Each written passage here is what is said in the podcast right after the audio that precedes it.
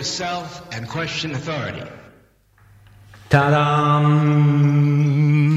Witam wszystkich serdecznie w radiu na fali, troszkę jak zwykle z lekkim minutowym opóźnieniem. Witam też e, w radiu, które retransmituje audycję z radia na fali, czyli Radia Paranormalium. Audycja nazywa się Hiperprzestrzeń. Chyba powinien zrobić troszeczkę inaczej, chyba z większym przytupem. Okej, okay, dobra. Hiperprzestrzeń. Witam Was wszystkich bardzo serdecznie, bardzo miło. A tu jeszcze troszkę jak zwykle pokręcę gałkami. O, może zacznę dzisiaj, e, bo koniec miesiąca, także zdecydowanie chyba czas najwyższy. Moment, ja tu w ogóle to jeszcze kable muszę poprzekładać, poukładać. Szaleństwo, szaleństwo. Mm. Chciałem w ogóle zacząć od podziękowania wszystkim mecenasom e, sztuki falowej za poprzedni miesiąc. Katarzynie, Aldonie, Jordanowi 202, panu Jackowi, Grzegorzowi, Mateuszowi, Edwardowi oraz Rafałom i Maciejowi. Także dzięki kochani, dzięki waszym wsparciom, e, waszym wpłatom. To wszystko się klei, działa i gdzieś tam se gna do przodu w swoim nieznanym kierunku, bliżej nieokreślonym, którego nie zna nawet, którego nawet ja nie znam. Nikt właściwie nie wie. Dzięki wielkie za, za wspieranie. Peace and love. Przepraszam e, Jordana i pana Jacka za, za opóźnienie do, e, ze spisaniem do listy mecenasów. E, przepraszam kochani, te konto jest sprawdzane na samym końcu miesiąca, także z reguły tak jest dopisywane też przy końcu miesiąca, także nie ma w tym złej intencji. Przepraszam bardzo. Tak czy siak kochani Jordanie i panie Jacku, pozdrawiam was serdecznie. Peace and love kochani. Pozdrawiam oczywiście słuchaczy offline i online. Ja oczywiście jestem już na czacie. Skype Radio na Fali to oczywiście radionafali.com, jakby ktoś chciał się dzisiaj odezwać. E, są jeszcze oczywiście media społecznościowe. Pichont y, odżył, nagrał ciekawą rzecz o nauce języka angielskiego, także zapraszam, żebyście sobie wpadli. Na Twitterze też jest link. Wszędzie są linki, na stronie Radio na Fali też. Żebyście sobie posłuchali świeżynek i tak dalej, i tak dalej. O innych rzeczach i o innych sprawach e, w wieczorowej porze organizacyjnych. Także to wszystko z tych organizacyjnych rzeczy, a dzisiaj ja to jak zwykle muszę się troszkę przekopać, otworzyć sobie muzę, która nas dzisiaj czeka, bo muzy jest po prostu masę. A temat w ogóle jest dzisiaj taki, no myślę, no nie wiem, zobaczymy, czy dla Was bardzo inspirujący, czy ciekawy w jakikolwiek sposób. Mam nadzieję, że chyba tak. To temat z cyklu Gorący kartofel a mianowicie chodzi o wszystkie sprawy związane, no może nie wszystkie, tylko pewne aspekty związane z czymś, co nazywamy popularnie ekonomią, z czymś, co nazywamy popularnie pieniądzem, z czymś, co nazywamy popularnie biznesem i tymi wszystkimi sprawami dookoła tego dziwnego zjawiska. Także dzisiaj dokładnie zastanowię się nad tym, czy jest przypadkiem inna alternatywa, czy ta alternatywa przypadkiem e, nie jest tu i teraz tak prosto przed nami, nie ma z tym żadnego problemu, czy po prostu tylko no my ulegliśmy jakiemuś dziwnemu zaczadzeniu, jakiejś pomroczności jasnej i ciągle robimy jakieś bardzo dziwne rzeczy, ruchy dookoła siebie, komplikujemy całe życie, a można właściwie prosto. I to prosto wcale nie znaczy, że biedniej, na bosaka w zimie i że źle będzie. Myślę, że wręcz odwrotnie. No zobaczymy, moi drodzy. Także dzisiaj Wam przedstawię kilka ciekawych koncepcji na temat e, rzeczywistości poza pieniądzem, poza światem, biznesu, poza transakcjami, poza dealami. Są takie opcje. Absolutnie są takie opcje.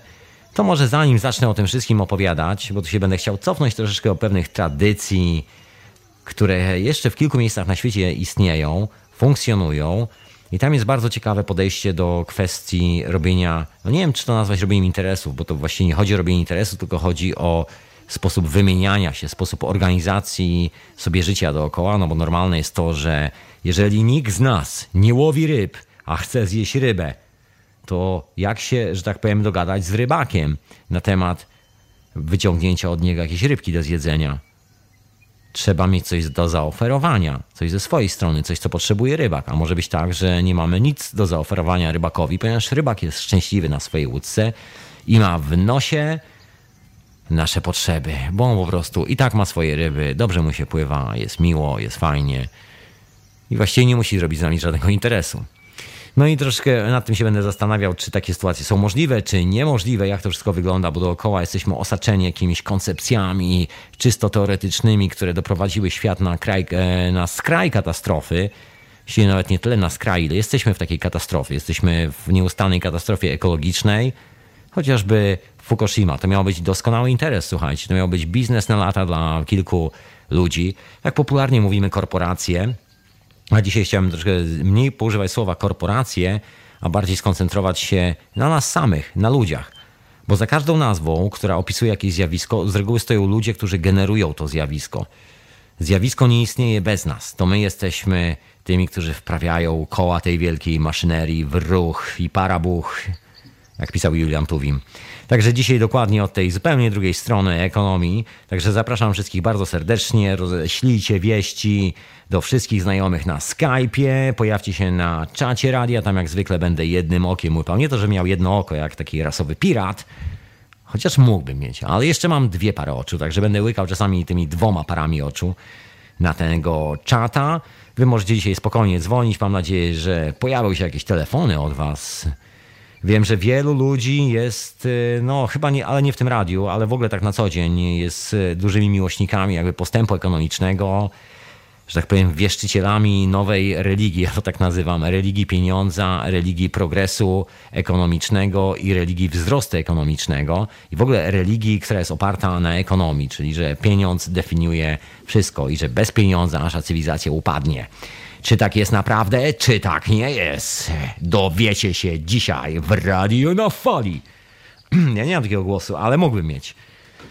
Także słuchajcie, słuchajcie, słuchajcie, nastawiajcie uszu. A las sobie świszczy gdzieś w oddali, no wcale nie takiej oddali, jest to całkiem blisko z nami. A ja nadaję do Was prosto z Londynu. Ja mam Tomek, no to chyba wszyscy doskonale wiedzą a wysłuchacie hiperprzestrzeni w radiu na fali, retransmitowanej w radiu Paranormalium. Jak już mówiłem wcześniej, tam łypię jednym okiem na czad radia na fali, a na razie tam jest jakaś polityka, która po prostu, I don't know guys, po prostu staje, alergię mam. Alergię mam na to po prostu, nie wiadomo co. Ale dzisiaj wspomnę troszkę, pomimo, że mam alergię. O tym to może zacznę po prostu od tego. No bo cała historia z ekonomią, przynajmniej w moim mniemaniu, no nie tylko w moim, bo też nie jestem jak zwykle mało odkrywczy w tym wszystkim.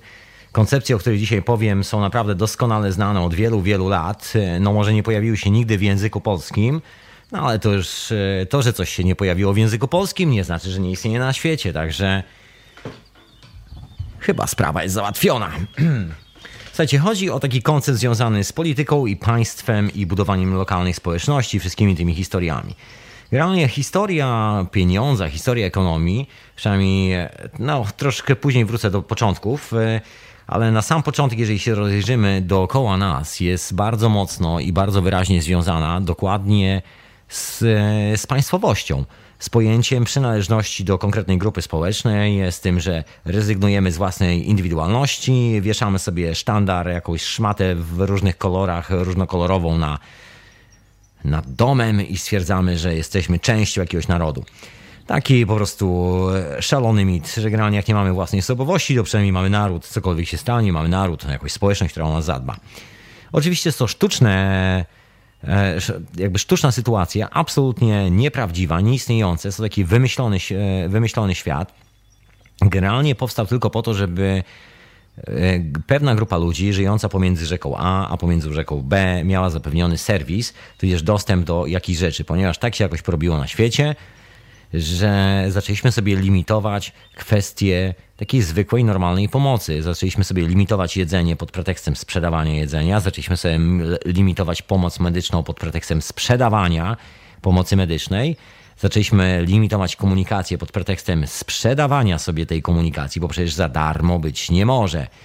To jest takie znane powiedzonko w anglosaskim świecie, które brzmi, że nie ma darmowych lunchy.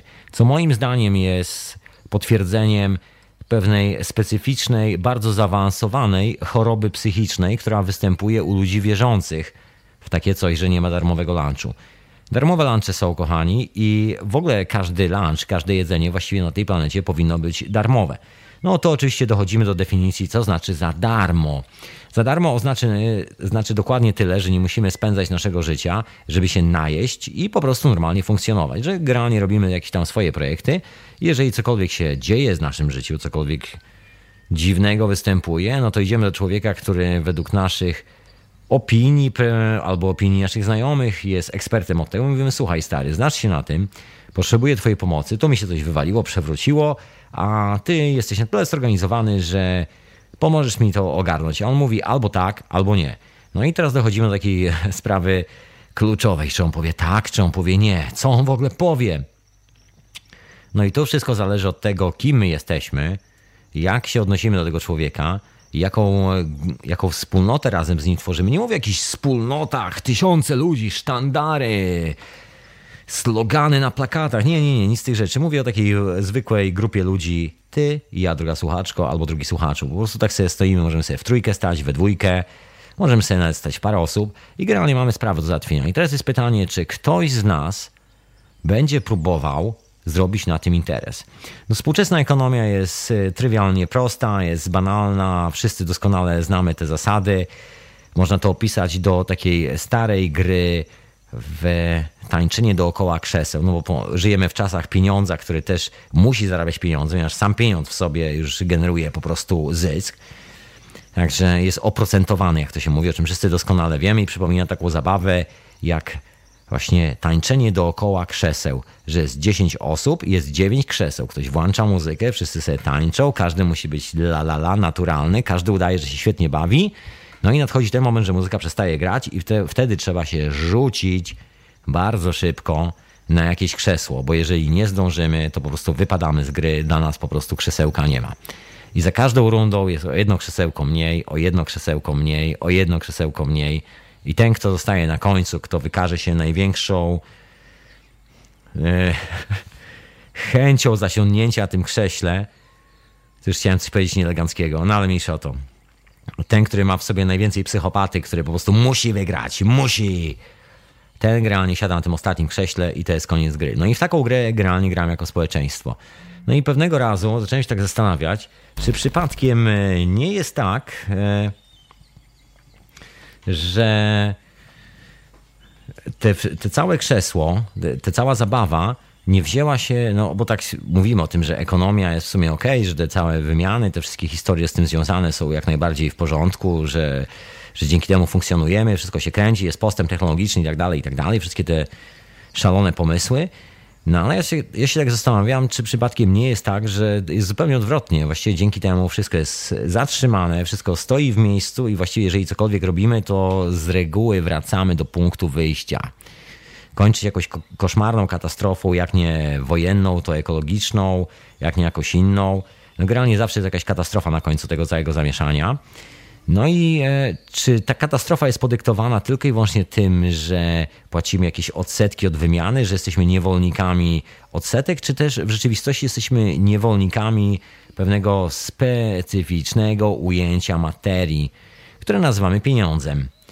Jest taka fajna historia, którą kiedyś chyba może opowiadałem, bardzo taka znana wśród antropologów, badaczy różnych dziwnych, dalekich kultur, no jest to historia z ludem Mao, który gdzieś tam sobie żyje na Polinezji, w jakichś takich dziwnych, e, naprawdę bardzo odizolowanych miejscach, gdzieś na środku Pacyfiku, w ogóle nie wiadomo gdzie. No i tam e, nigdy nie było pojęcia czegoś takiego jak pieniądz, ale ludzie ze sobą robili interesy, cały czas się wymieniali. Jest taki archipelag tych wysp i tam sobie oczywiście pływają pomiędzy tymi wyspami, wymieniają się Każda społeczność ma rzeczy, które są cenne dla drugiej społeczności i w drugą stronę. Generalnie po prostu zwykła wymiana. No i jak oni to robią? Opcja jest banalnie prosta, jest naprawdę fajnie to wygląda. Słuchajcie, chodzi o to, że cała wiocha się zbiera, wybiera się najmocniejszych facetów, takich, którzy sobie radzą. Chodzi o rybaków, ludzi obsługujących łodzi, generalnie najbardziej tęgich, dziarskich e, kolesi z całej okolicy no i zadanie polega na tym, żeby załadować na te czółna, na te kanu, no, na jak największy kamień, taki potężny, duży kamień, no i przewieźć ten kamień na jedną wyspę, która znajduje się na, archi na archipelagu. To jest coś w rodzaju, no my to nazywamy bankiem, ale to myślę, że to jest naprawdę mocna nadinterpretacja rzeczywistości. To jest tak, żebyśmy chyba chcieli, żeby wszyscy ludzie dookoła zaczęli grać w nami w tą współczesną grę nazywaną współczesną ekonomią.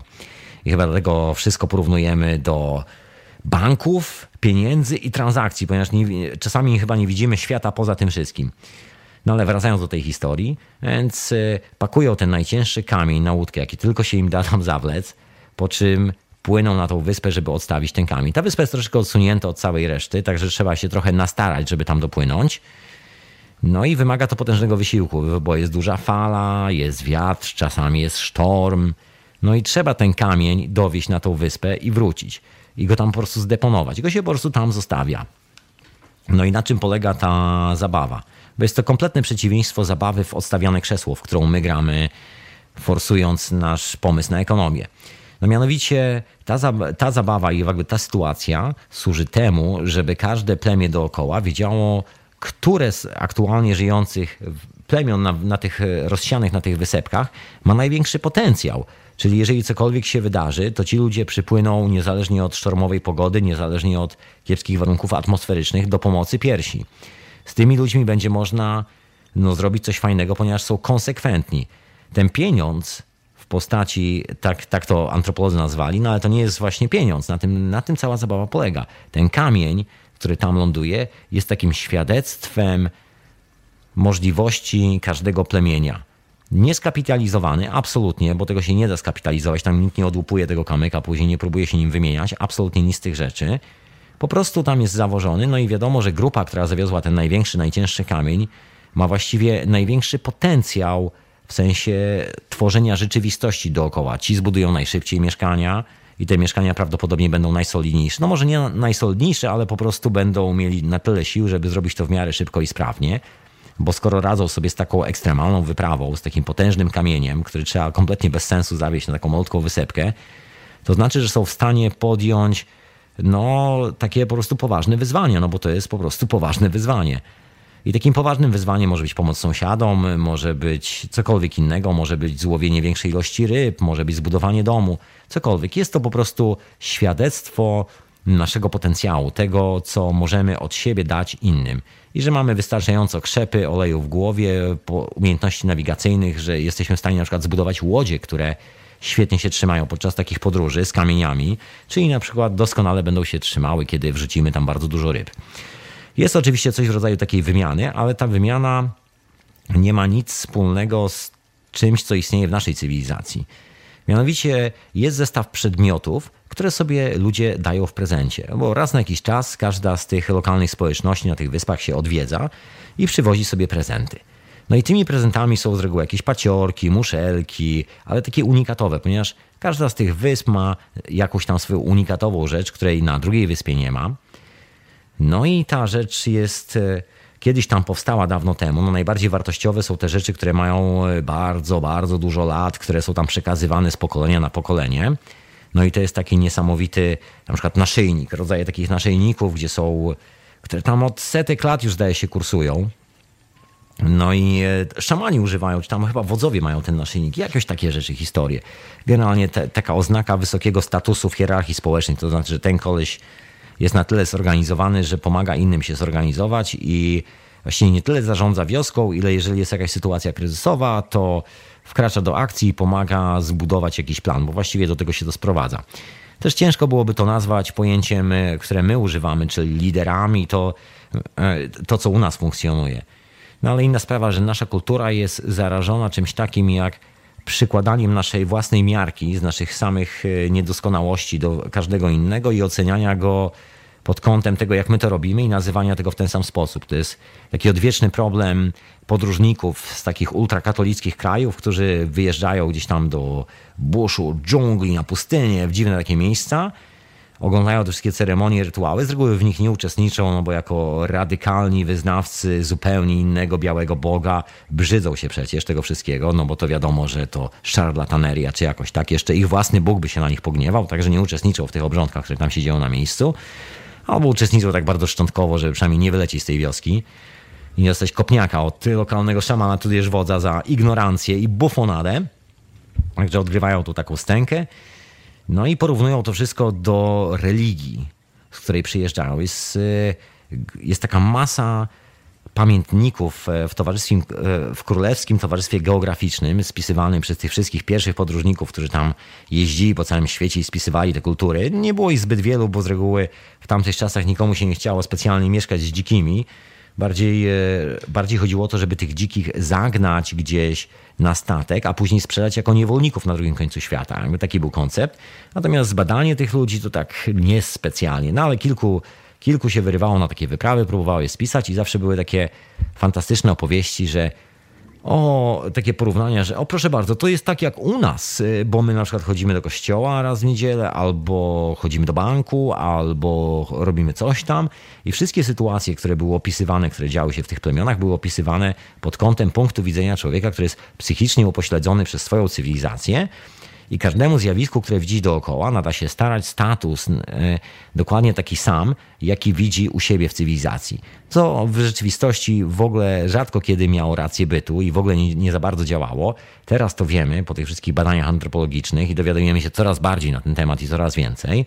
No natomiast wtedy wszyscy byli święcie przekonani, że jeżeli tak robią dzicy, to znaczy, że my ewoluowaliśmy, jesteśmy wyżej i że ta zabawa, którą prowadzimy, czy ekonomia jest jak najbardziej okej. Okay.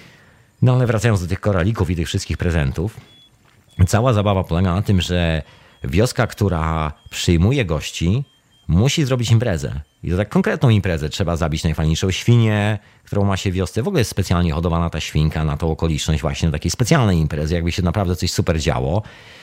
No wiadomo, że się poznają chłopaki i dziewczyny z tych różnych wiosek. No to jest takie społeczne wydarzenie, takie jedni odwiedzają drugich i jest taka po prostu kompletna impreza przez tydzień czasu na którą wszyscy się przyszykowują elegancko i robią masę żarcia, żeby nikomu niczego nie zabrakło.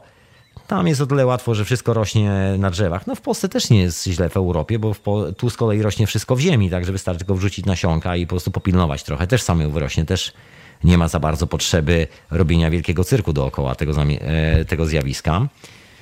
No i kiedy, trwa, kiedy ta impreza się zaczyna, ludzie, którzy przybywają na tą imprezę, czyli okoliczne, mieszkańcy okolicznych wysp, przywożą ze sobą prezenty. I to są właśnie różne przedmioty, które mają właściwie wartość tylko i wyłącznie emocjonalną dla każdego. To jest coś na przykład jak naszyjnik, z czym e, jakaś e, postać mogła się zżyć, bo dostała od dziadka i ten naszyjnik był w wiosce już tam od dwóch pokoleń. No ale wiadomo, że taka impreza, jakaś bardzo poważna, to ten naszyjnik się wiezie do, do, na drugą wyspę i podarowuje w prezencie na przykład lokalnemu człowiekowi od ogarniania spraw, czyli na przykład powiedzmy na to jakiemuś wodzowi albo coś w tym stylu. E, rozdaje się muszelki, no wszystkie tego typu rzeczy. Jest to taki standardowy set, że tak powiem, żeby sobie dać prezenty. Jedni przygotowują imprezę, a drudzy przywożą to, co mają fajnego, żeby się z nimi po prostu podzielić. No i chodzi właśnie o o te takie bardzo specyficzne rzeczy, o takie na przykład bardzo trudne do złowienia muszle, które są ładne i wiadomo, że człowiek, który złowił tą muszlę, musiał głęboko zanurkować i wykonać troszeczkę wysiłku, żeby w ogóle to wyciągnąć i żebyśmy mogli zobaczyć taką muszelkę, żeby w ogóle był, żeby to w ogóle się pojawiło na powierzchni morza. No i wszystkie sprawy z tym związane. Myślę, że chyba wszyscy rozumiemy o co chodzi. Po prostu chodzi o danie sobie prezentów i to nie takich byle jakich, tylko takich prezentów, które sami sobie bardzo cenimy i sami bardzo szanujemy. No i te prezenty zostają oczywiście po tej imprezie w tamtej wiosce. Także wracamy z tymi brzuchami, z doskonałymi wrażeniami, wspomnieniami. Oczywiście w prezencie też dostajemy z kolei gadżety na sam koniec od mieszkańców tej wioski, w której gościliśmy. Także następuje taka naturalna rotacja, wymiana tych wszystkich drobnych gadżetów. My możemy zobaczyć troszkę inny kształt muszelki, możemy zobaczyć inne rzeczy, dostajemy inne naszyjniki, także monotonia naszego życia ulega rozbiciu. No i właściwie sprowadza się to dokładnie tylko i wyłącznie do pojęcia monotonii. Kto z Was, kochani słuchacze, pracował w biurze albo pracuje? Chodzi mi mianowicie o takie monotonne życie. Każdy psychiatra, i tu nawet taki bardzo kiepski, powie, że monotonia po prostu zabija. I taka praca, w której występuje zjawisko takiej monotonii, po prostu strasznie wykoślawia ludzi. Ludzie się fatalnie tam czują, chcą uciekać, mają deprechy i tak dalej, i tak dalej. No to zjawisko monotonii występuje wszędzie na świecie, nawet w tych pięknych miejscach, które mają piękne, białe plaże i palmy i piękne słońce i szmaragdowy ocean dookoła. Tam też to zjawisko monotonii występuje właściwie po to, żeby no nikt nie zwariował za bardzo, żeby nie trzeba było ciągle tego samego naszyjnika e, przekazywać z pokolenia na pokolenie. Fajniejszą opcją w tym wszystkim jest złamanie tej monotonii, wskoczenie na łódkę, wybranie się na wyspę obok, oddanie tych najfajniejszych naszyjników, które my mamy, dostaniemy w zamian jakieś inne, które też będą fajne, także nie ma problemu. No i cała nasza monotonia automatycznie zostaje zburzona, dzięki czemu mamy nowe przedmioty, które mają swoją nową historię, bo każdy z tych przedmiotów ma historię, którą później możemy sobie opowiadać. No a wiadomo, że te społeczności są oparte w dużej mierze na takiej bezpośredniej komunikacji. Tam ludzie ze sobą rozmawiają. To nie jest tak jak w naszej cywilizacji, że my komunikujemy, a nie rozmawiamy, no bo bardzo często to właśnie wysyłamy tylko komunikaty, komunikaty, za, jeden za drugim.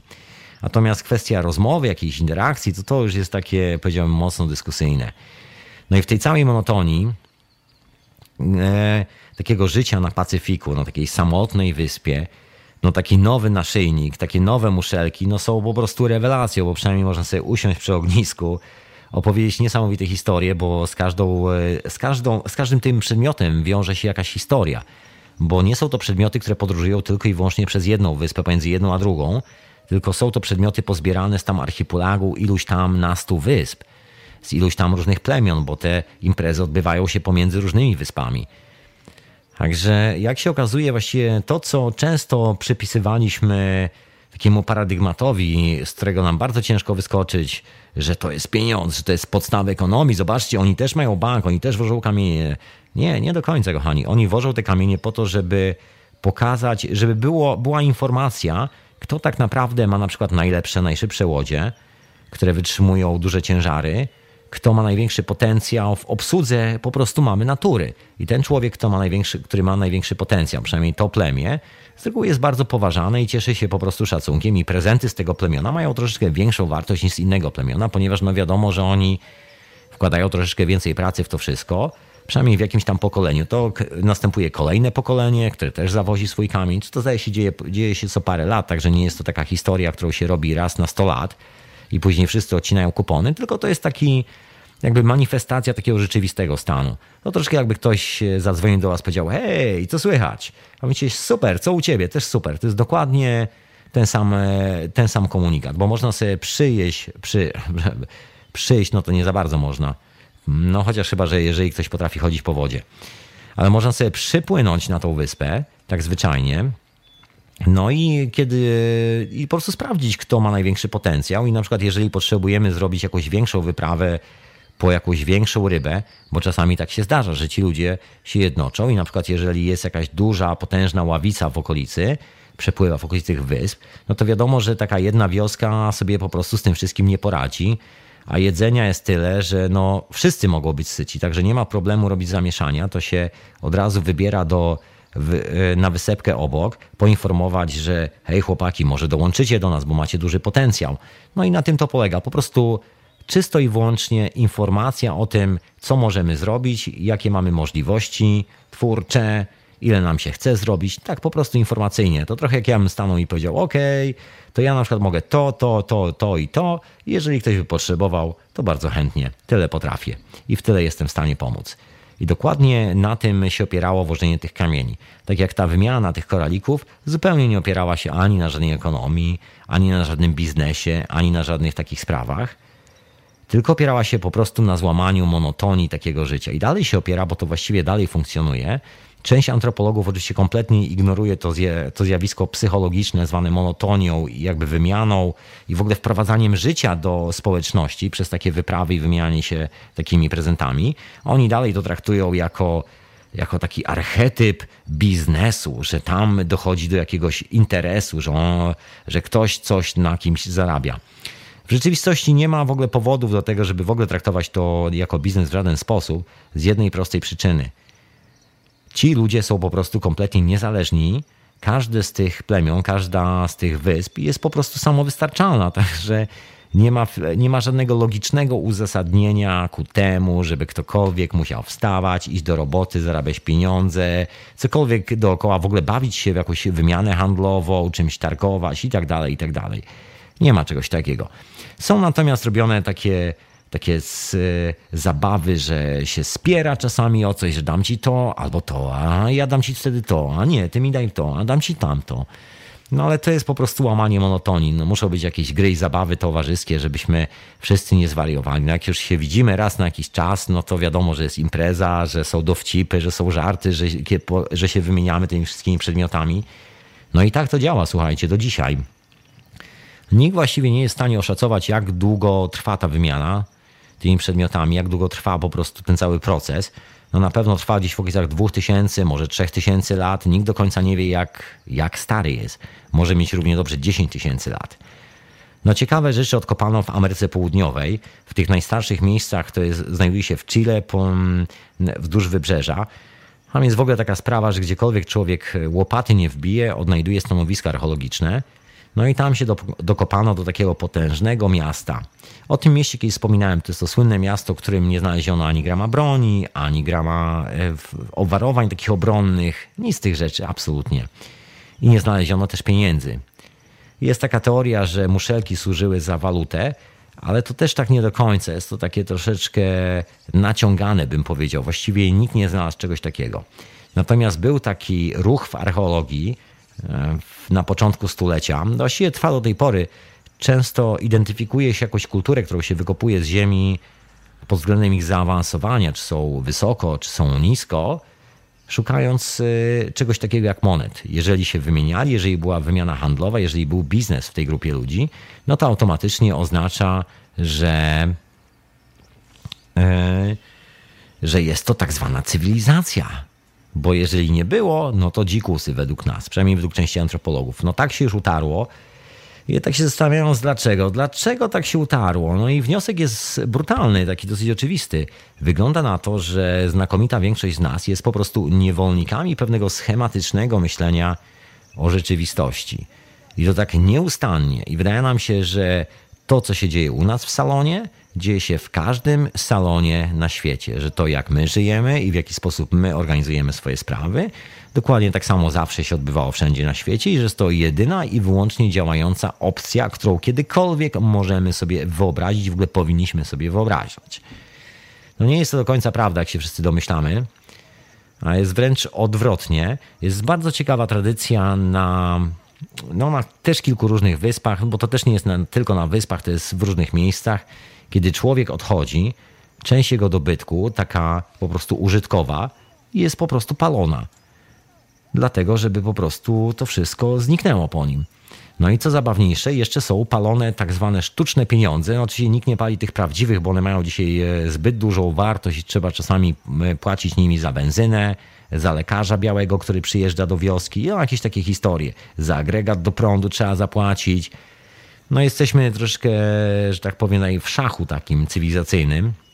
Wymyśliliśmy sobie taki kierat, że ciężko od niego uciec. Nawet jak jest, ktoś jest na zadupiu świata, to ten elementy tego kieratu się potrafią odezwać i nas troszkę przycisnąć do ściany. No ale ta tradycja palenia pieniędzy jest po prostu fenomenalna. Jak jest jakaś impreza, czy to jest pogrzeb, czy to jest ślub, w wielu miejscach po prostu drukuje się zwyczajnie takie fałszywe pieniądze i cała zabawa polega na tym, żeby je po prostu spalić. Piękny gest, piękny gest, bardzo mi się podoba. Proszę Państwa. E, no i myślę, że to, tak, to jest jeden z tych takich gestów, który obrazuje właściwie, co powinniśmy robić z tymi pieniędzmi, co, do czego one właściwie powinny służyć chyba. A wy słuchacie radia na fali z bliskiej oddali, retransmitowanego w Radiu Paranormalium. No i oczywiście słuchacie hiperprzestrzeni. Sorry, musiałem się tak po prostu wyżyć na tych gałkach, żeby się pobawić echem. Dobra, wracam do całej opowieści o pieniądzach, no bo jest to ciekawa w ogóle historia, jakby taka, skąd to się w ogóle wzięło, tak czasami się zastanawiam. Właśnie, skąd ta historia się bierze? Gdzie zaczyna się początek tego wszystkiego?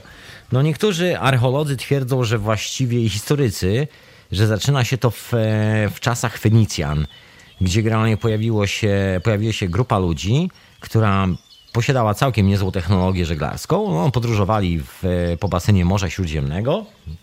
No i generalnie w ramach tych podróży, robienia interesów, e, zaczęli używać coś takiego jak pieniądze, czyli kawałek monety, który miał jakiś tam stamp i był wymienialny na wszelkie możliwe dobra według jakichś tam standardów.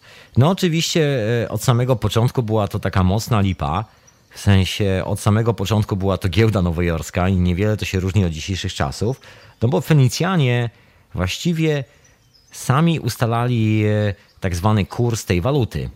i ustalali sami kurs e, towarów, które można było za te waluty kupić. Także w przypadku na przykład nieudanego rejsu, gdzie tam część tych, e, tych oliwek zgniła albo ten olej się rozsypał w tych kadziach, które były w statku, można było stwierdzić, że no to teraz chcemy więcej złota za to. No stąd się wzięły na przykład złote monety i srebrne, no nie przez przypadek, bo złoto i srebro należą do grupy metali szlachetnych. No złoto szczególnie e, jest takie dosyć specyficzne w swoich właściwościach, ponieważ się e, w stanie czystym się nie utlenia. Po prostu się nie utlenia. Jest to taki związek atomów, że właściwie nigdy nie śniedzieje. Natomiast kiedy dodamy do złota już jakichś dodatków, dodamy trochę miedzi, trochę niklu, trochę srebra i tak dalej, kiedy już je troszkę stopimy z innymi metalami, natomiast dostaje, właśnie wtedy dostaje tych troszeczkę innych właściwości i zaczyna się utleniać. Natomiast takie czyste złoto, złoto atomowe można powiedzieć, które nie ma żadnej zawartości obcego metalu, praktycznie nie podlega jakiemukolwiek takiemu naturalnemu zużyciu w atmosferze. Na pewno nieraz widzieliście e, kościoły z miedzianymi dachami, które z czasem robią się takie zielonkawe. E, ta miedź zmienia kolor. To jest właśnie proces śniedzenia. Ta pierwsza warstwa się po prostu utlenia, się niszczy, ale jednocześnie zabezpiecza tą pozostałą, także na dachach to jak najbardziej e, jest ok, całkiem dobra konstrukcja, wytrzymuje lata. Ze złotem jest bardzo podobnie. Złoto tylko, że jeszcze lepiej, bo takie właśnie czyste złoto w ogóle nie dostaje tej warstwy śnie, śniedzi. Ono po prostu cały czas błyszczy. Jest taki fenomen. No i to był główny powód, dla którego zaprzężono właśnie owe szlachetne metale, no bo srebro jest też takim szlachetnym metalem, który posiada dokładnie te same właściwości, do ustanawiania czegoś takiego jak kursu transakcji. No bo Fenicjanie byli takim plemieniem, które prawdopodobnie nikomu nie ufało. No wiemy, że tam pieniądze się pojawiały w wielu miejscach historii wcześniej, ale jest to bardzo dyskusyjne, moi drodzy, bo jest to dokładnie taka sama historia jak z tymi antropologami i tą wyprawą na Polinezję. Że im się wydaje, że odkryli pierwo, pierwociny banku, zaczątek cywilizacji ekonomicznej, natomiast w rzeczywistości odkryli po prostu pewien, e, pewien system który pozwala wszystkim e, czuć się dobrze i, że tak powiem, zabić taką monotonię siedzenia na plaży, takiej pięknej plaży z białym piaskiem, palmami, gdzie nie trzeba nic robić. No tam nikt nie przynosi drinka do ręki, także jeżeli ktoś jest alkoholikiem ma taki syndrom, że po prostu musi koniecznie z drinkiem na takiej plaży, to to tam mu nikt nie pomoże za bardzo. No ale oni generalnie czuli się tak monotonie troszeczkę i ta monotonia doskonale jest zabijana przez te właśnie społeczne spotkania, przez to, że się wymieniają tymi przedmiotami, bo za każdym przedmiotem idzie historia, także można się wymienić historią. No i człowiek ma troszkę e, więcej rozrywek, może się zastanowić nad czymś, co się działo wiosce na drugiej wyspie. I tak to wyglądało. Natomiast u Fenicjan, jakby u innych, u innych kultur, to już tak nie za bardzo. To już, był, to już był od początku pieniądz spekulacyjny. Oczywiście on nie tracił wartości, tak jak w dzisiejszych czasach, e, po prostu tylko i wyłącznie dlatego, że jest oprocentowany i po prostu jest pieniądzem. No, dawniej było tak, że ten pieniądz e, był spekulowany tylko wtedy, kiedy na przykład statek z jakimś ładunkiem, bardzo cennym ładunkiem, poszedł po prostu na dno. No i ta, że tak powiem, gilda, czy ta grupa statków, bo to też nie do końca były takie pojedyncze jednostki, tylko bardziej zorganizowana taka grupa żeglarska. Mieli swoje własne porty, mieli jakby swoich dostawców. Oczywiście każdy statek był indywidualny, każdy kapitan miał swoją własną łajbę. To nie było tak, że to był jakiś kołchoz, taka korporacja. No ale pewne zasady były bardzo mocno korporacyjne, także jeżeli okazywało się, że ktoś gubił ładunek, coś się stało podczas sztormu, no to wiadomo, że trzeba się odkuć na kliencie, no i temu właśnie służyły owe monety. I wtedy można było poprosić klienta o to, żeby, przepraszam bardzo, tego ładuneczku przywieźliśmy mniej, a dzięki temu, że daliśmy trochę ciała i zgubiliśmy połowę, to teraz ty musisz zapłacić dwa razy więcej złotych monet za ten ładunek.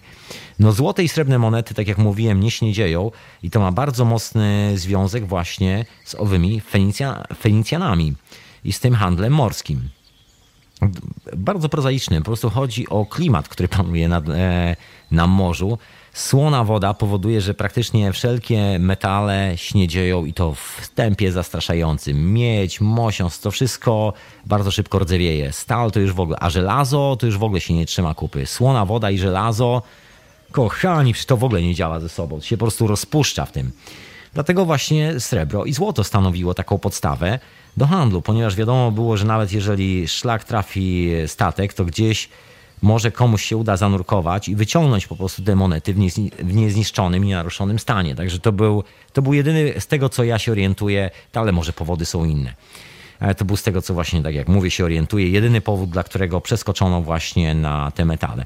No tam jeszcze jest inna sprawa ze złotem i ze srebrem. Chodzi o znaczenia rytualne, różne mitologie dookoła tych dwóch metali, no bo wiadomo, że były to takie specyficzne metale, właśnie niestarzejące się, wręcz boskie.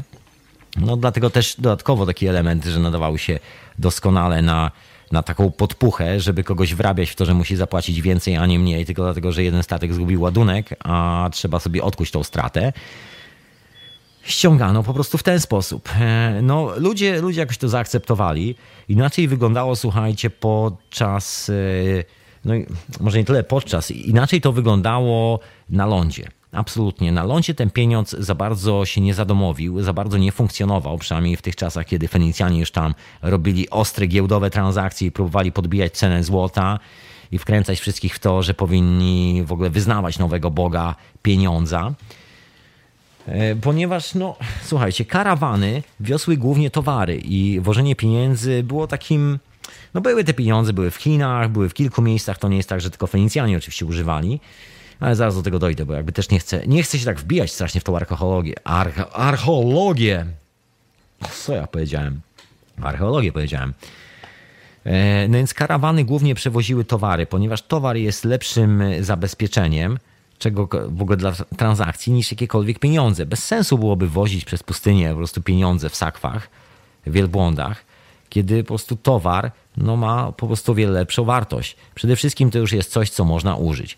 No bo z pieniędzmi jest ten zawsze nieustanny problem, że o ile możemy je sobie włożyć do kieszeni, do portfela i w dzisiejszych czasach wymienić na jakieś produkty, to jeżeli tylko wylądujemy poza bankomatami, poza tą całą strefą ekonomiczną, tą strefą e, patologii, właściwie socjo, socjopatów, e, patologii społecznej, tak?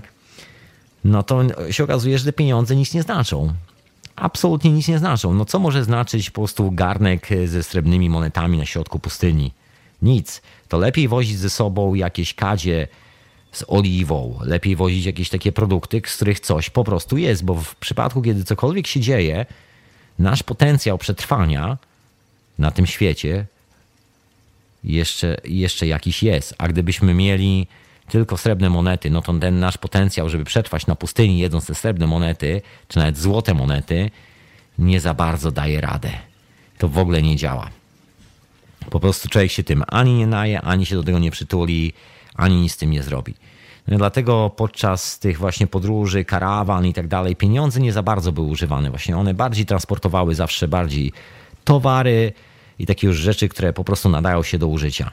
Coś można po prostu z nimi zrobić. Natomiast cała ta domena pieniędzy była bardziej związana z jednej strony właśnie z takim handlem, takim cwaniackim handlem, nas, opartym na spekulacji od samego początku, a z drugiej strony bardzo mocno związana z władzą, ponieważ no czymże jest władza?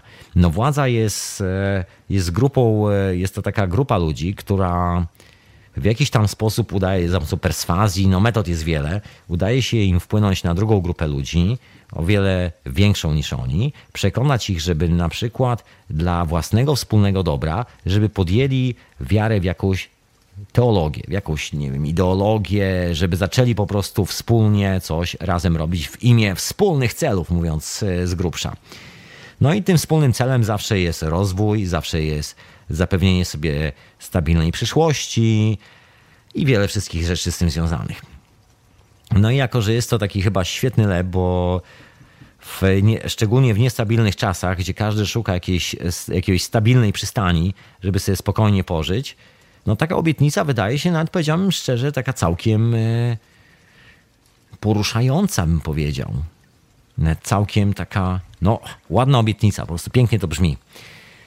Dla niektórych po prostu wręcz doskonale. No i ta obietnica spowodowała, że powstały armie, no bo wiadomo, że żeby sobie zapewnić przyszłość, trzeba mieć ludzi, którzy ruszą do walki. No i tu powstała, tu, powsta, tu powstaje właśnie taki tajemniczy związek pomiędzy wszystkimi tyraniami, a właśnie ekonomią, jakąkolwiek formą ekonomii.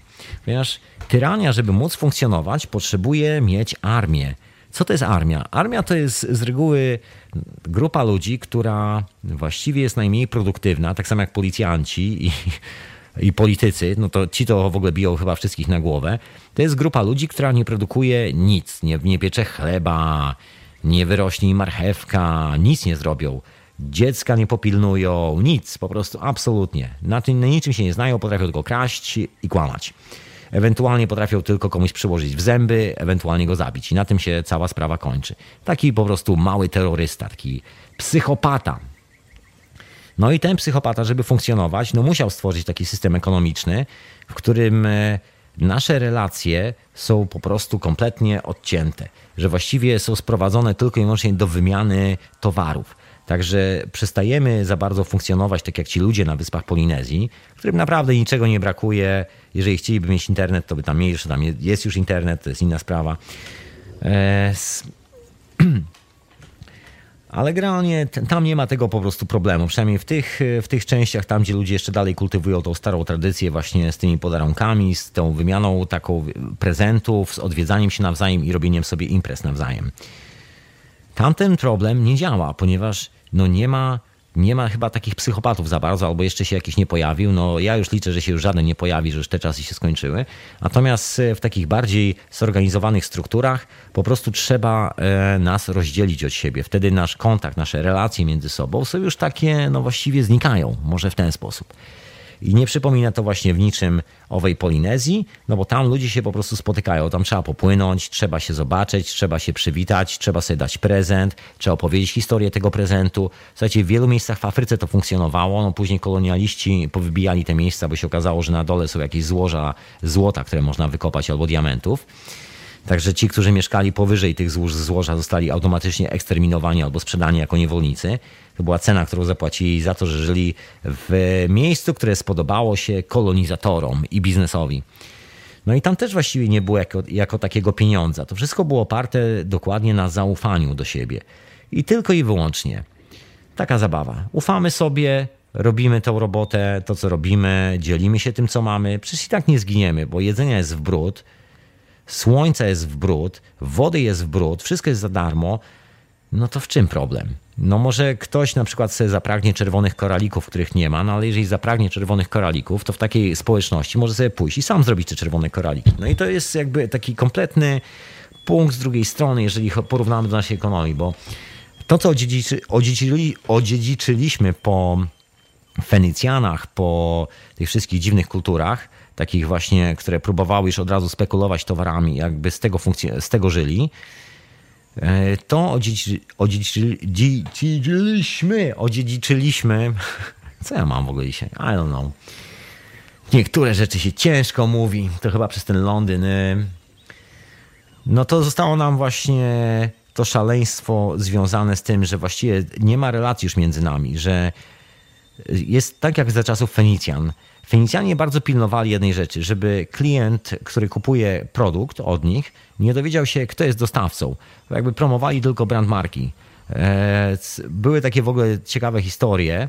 To są takie podejrzenia oczywiście, nie wiadomo do końca jak to się działo, że kiedy producenci próbowali na dzbanach wyryć swoje imię, taka charakterystyczna rzecz, czasami się w muzeach spotyka te stare dzbany, które tam miały oliwę w środku, wszystkie te przyprawy i zioła i tak dalej no to tam z reguły było imię właściciela. No więc Fenicjanie mieli taki numer, żeby nie reklamować tego, kto naprawdę wyhodował to zboże, wyhodował te oliwki i zrobił te przyprawy. Oni po prostu przesypywali wszystko do swoich własnych dzbanów i wozili to własnymi statkami, tak żeby ten kontakt pomiędzy dostawcą a odbiorcą był po prostu kompletnie utrudniony, żeby zawsze był pośrednik, a pośrednik elegancko zamazywał zawsze ślady, no i stąd się na przykład brały te, te nazwy, że na przykład oliwa pochodzi z Grecji, a coś tam pochodzi z Aleksandrii, a coś tam skąd inąd. I oni bali się bardzo mówić i w ogóle informować swoich klientów, kto tak naprawdę produkuje te rzeczy, jaki jest e, rzeczywisty producent, jak ma na imię i tak dalej. Czasami są takie historie, że się wyciąga jakieś właśnie statki spod wody, no i znajduje się na przykład na greckich statkach dużo e, dużo różnych artefaktów, jakichś tam mis, talerzy i tak dalej, tego typu rzeczy. I to wiadomo, że to wszystko było podpisywane przez producentów. Jakby to, to, że ludzie się podpisują pod swoją robotą, naprawdę nie jest czymś, co powstało dzisiaj, wczoraj albo pojutrze, albo przedwczoraj. E, było to, towarzyszy nam to naprawdę od lat, od lat, od nie wiadomo kiedy. No a Fenicjanie właśnie zamazywali dokładnie te nazwiska, oni przypakowali do swoich torebek i sprzedawali już jako produkty ze statków e, handlowych które były tylko tak określały, że okej, okay, no to jest gdzieś tam z Grecji. No wiadomo, Grecja mała nie jest, także szukanie tego jednego gaju oliwnego w Grecji w tamtych czasach, no to jak szukanie igły w stogu siana. Po prostu sytuacja wręcz niemożliwa. No bo to za, zaciera kontakty. Dzięki temu zadowolony klient nie może bezpośrednio udać się do producenta i zrobić z nim interesu. Dzięki temu jest zawsze skazany na pośrednika. Dokładnie ta sama historia działa się w Chinach, gdzie właściwie pieniądze też służyły dokładnie tej samej sytuacji, żeby właściwie utrwalać władzę. Żeby ta władza zawsze mogła dominować, no bo pieniądze zawsze są czyjąś własnością. Ktoś po prostu fizycznie musi te pieniądze zrobić. I one ma, to są z reguły przedmioty, które mają specjalny kształt, który oczywiście służy temu, żeby ich nie fałszowano, żeby nikt tam sobie nie, nie dodrukowywał na lewo, żeby nie było żadnych czarów, marów i żadnych szachrajstw. No i ktoś musiał to zrobić. No ale jak ktoś to robił, no to już przestawał siać marchewkę, przestawał robić tą oliwę, przestawał robić jakiekolwiek pożyteczne rzeczy, tylko praktycznie robił rzecz kompletnie nieprzydatną do niczego, rzecz, rzecz której się nie można było właściwie no, posłużyć w jakikolwiek sposób poza tym systemem. Ta rzecz funkcjonowała tylko w tym systemie. No i pozwalała ludziom, że tak powiem, zdjąć takie jarzmo odpowiedzialności za relacje międzyludzkie. Także można było już zrobić tak, że jest stado pośredników, że jest narzędzie, które pozwala właśnie odciąć klienta, odciąć konsumenta, jak to dzisiaj mówimy w dzisiejszych czasach, od, od tego miejsca, gdzie powstaje jego produkt, dzięki czemu właściwie można dowolnie kształtować cenę tego produktu za jego plecami, jak bez żadnych oporów. I można robić to naprawdę bez litości. No i tak też robiono w tamtych czasach, tak też robiono i to nie raz, nie dwa. Są zapiski. E, z tamtych czasów, które mówią o różnych takich szachrajstwach. Całe statki czasami szły na dno z takim na przykład ładunkiem po to, żeby cena ładunku, który dotrze do portu była o wiele większa. No różne rzeczy się działy. Także od początku jest tak, że z tymi pieniędzmi nic dobrego nie było. Właściwie zostały od początku wymyślone tylko po to, żeby spekulować. No nam się opowiada często taką bajkę, że to jest po prostu taka karencja. To jest przedmiot, który po prostu symbolizuje coś no, jest to oczywiście prawda. Jest to przedmiot, który symbolizuje nasz potencjał, można tak powiedzieć, bo właściwie tyle, ile mamy tych przedmiotów przy sobie, tyle możemy nabyć dóbr, tudzież e, się zrealizować, nabywając te dobra. No ale to właściwie niczego nie zmienia, bo dalej nabywając te dobra, właściwie nasz kontakt z producentem i dojście do tego producenta jest praktycznie zerowe. No oczywiście w dzisiejszych czasach mamy na opakowaniach tych wszystkich producentów, wiemy te wszystkie rzeczy, no ale kto będzie teraz już jechał? Już przywykliśmy do tego, że właściwie wszystko załatwia się za pomocą pieniądza. No i doszliśmy do takiej sytuacji, że właściwie jakakolwiek odpowiedzialność za relacje między nami kompletnie zniknęła. W ogóle przestaliśmy się zajmować tematem, co się stanie, kiedy na przykład powiem do kogoś bardzo kiepsko albo pomyślę o kimś bardzo kiepsko, a akurat ten ktoś ma jakąś swoją rolę w, tym, w tej całej układance. Na przykład, nie wiem, jest rybakiem, a ja na przykład raz na jakiś czas ryb, e, chciałbym zjeść rybę. No i co wtedy? Co wtedy? Przecież nie przyjdę do niego, nie powiem mu, ożeż ty chamie jeden, no bo on nigdy nie sprzeda mi ryby, znaczy nie sprzeda, nigdy się nie wymieni ze mną, nawet mi nie da tej ryby. Nic z tego po prostu nie wyjdzie. Co najwyżej powie mi, żebym po prostu się zawijał stąd w poskokach, bo jak nie, to weźmie wiosło i mi tak przyłoży, że się nie pozbieram. I tak się skończy cała ta historia. No i właśnie z ty, dokładnie z tego samego powodu, żeby odkleić nas od y, tych wspólnych kontaktów, no były generalnie bardzo mocno faworyzowane przez wszelkie królestwa. No stąd się bierze ta cała historia, że na pieniądzach są bite głowy państw i że są bite znaki państw, że są właśnie tak, że jest zawsze opakowana w taką symbolikę, która symbolizuje potężną społeczność, społeczeństwo, grupę. No bo chodzi o to, żeby nas rozdzielić, żebyśmy nie widzieli siebie jako pojedynczych ludzi, jako na przykład mnie, Tomka, ciebie i ciebie, tylko żebyśmy widzieli się jako masę. Jako masę, która podlega pewnej ideologizacji, pewnej idei, i w tej idei się, że tak spala bez końca, bez końca, bez końca. Chyba Nietzsche pisał nawet.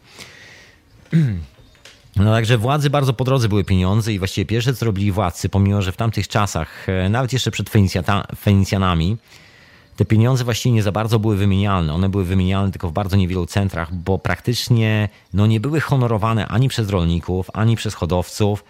To nie było coś takiego, co w ogóle funkcjonowało wszędzie na świecie. Właściwie świat podlegał takiej normalnej, dobrowolnej wymianie można było przyjść do kogoś, porozmawiać, powiedzieć, opisać swoją sprawę. Jeżeli mógł się podzielić, to się po prostu dzielił. Ludzie troszkę inaczej byli skonstruowani.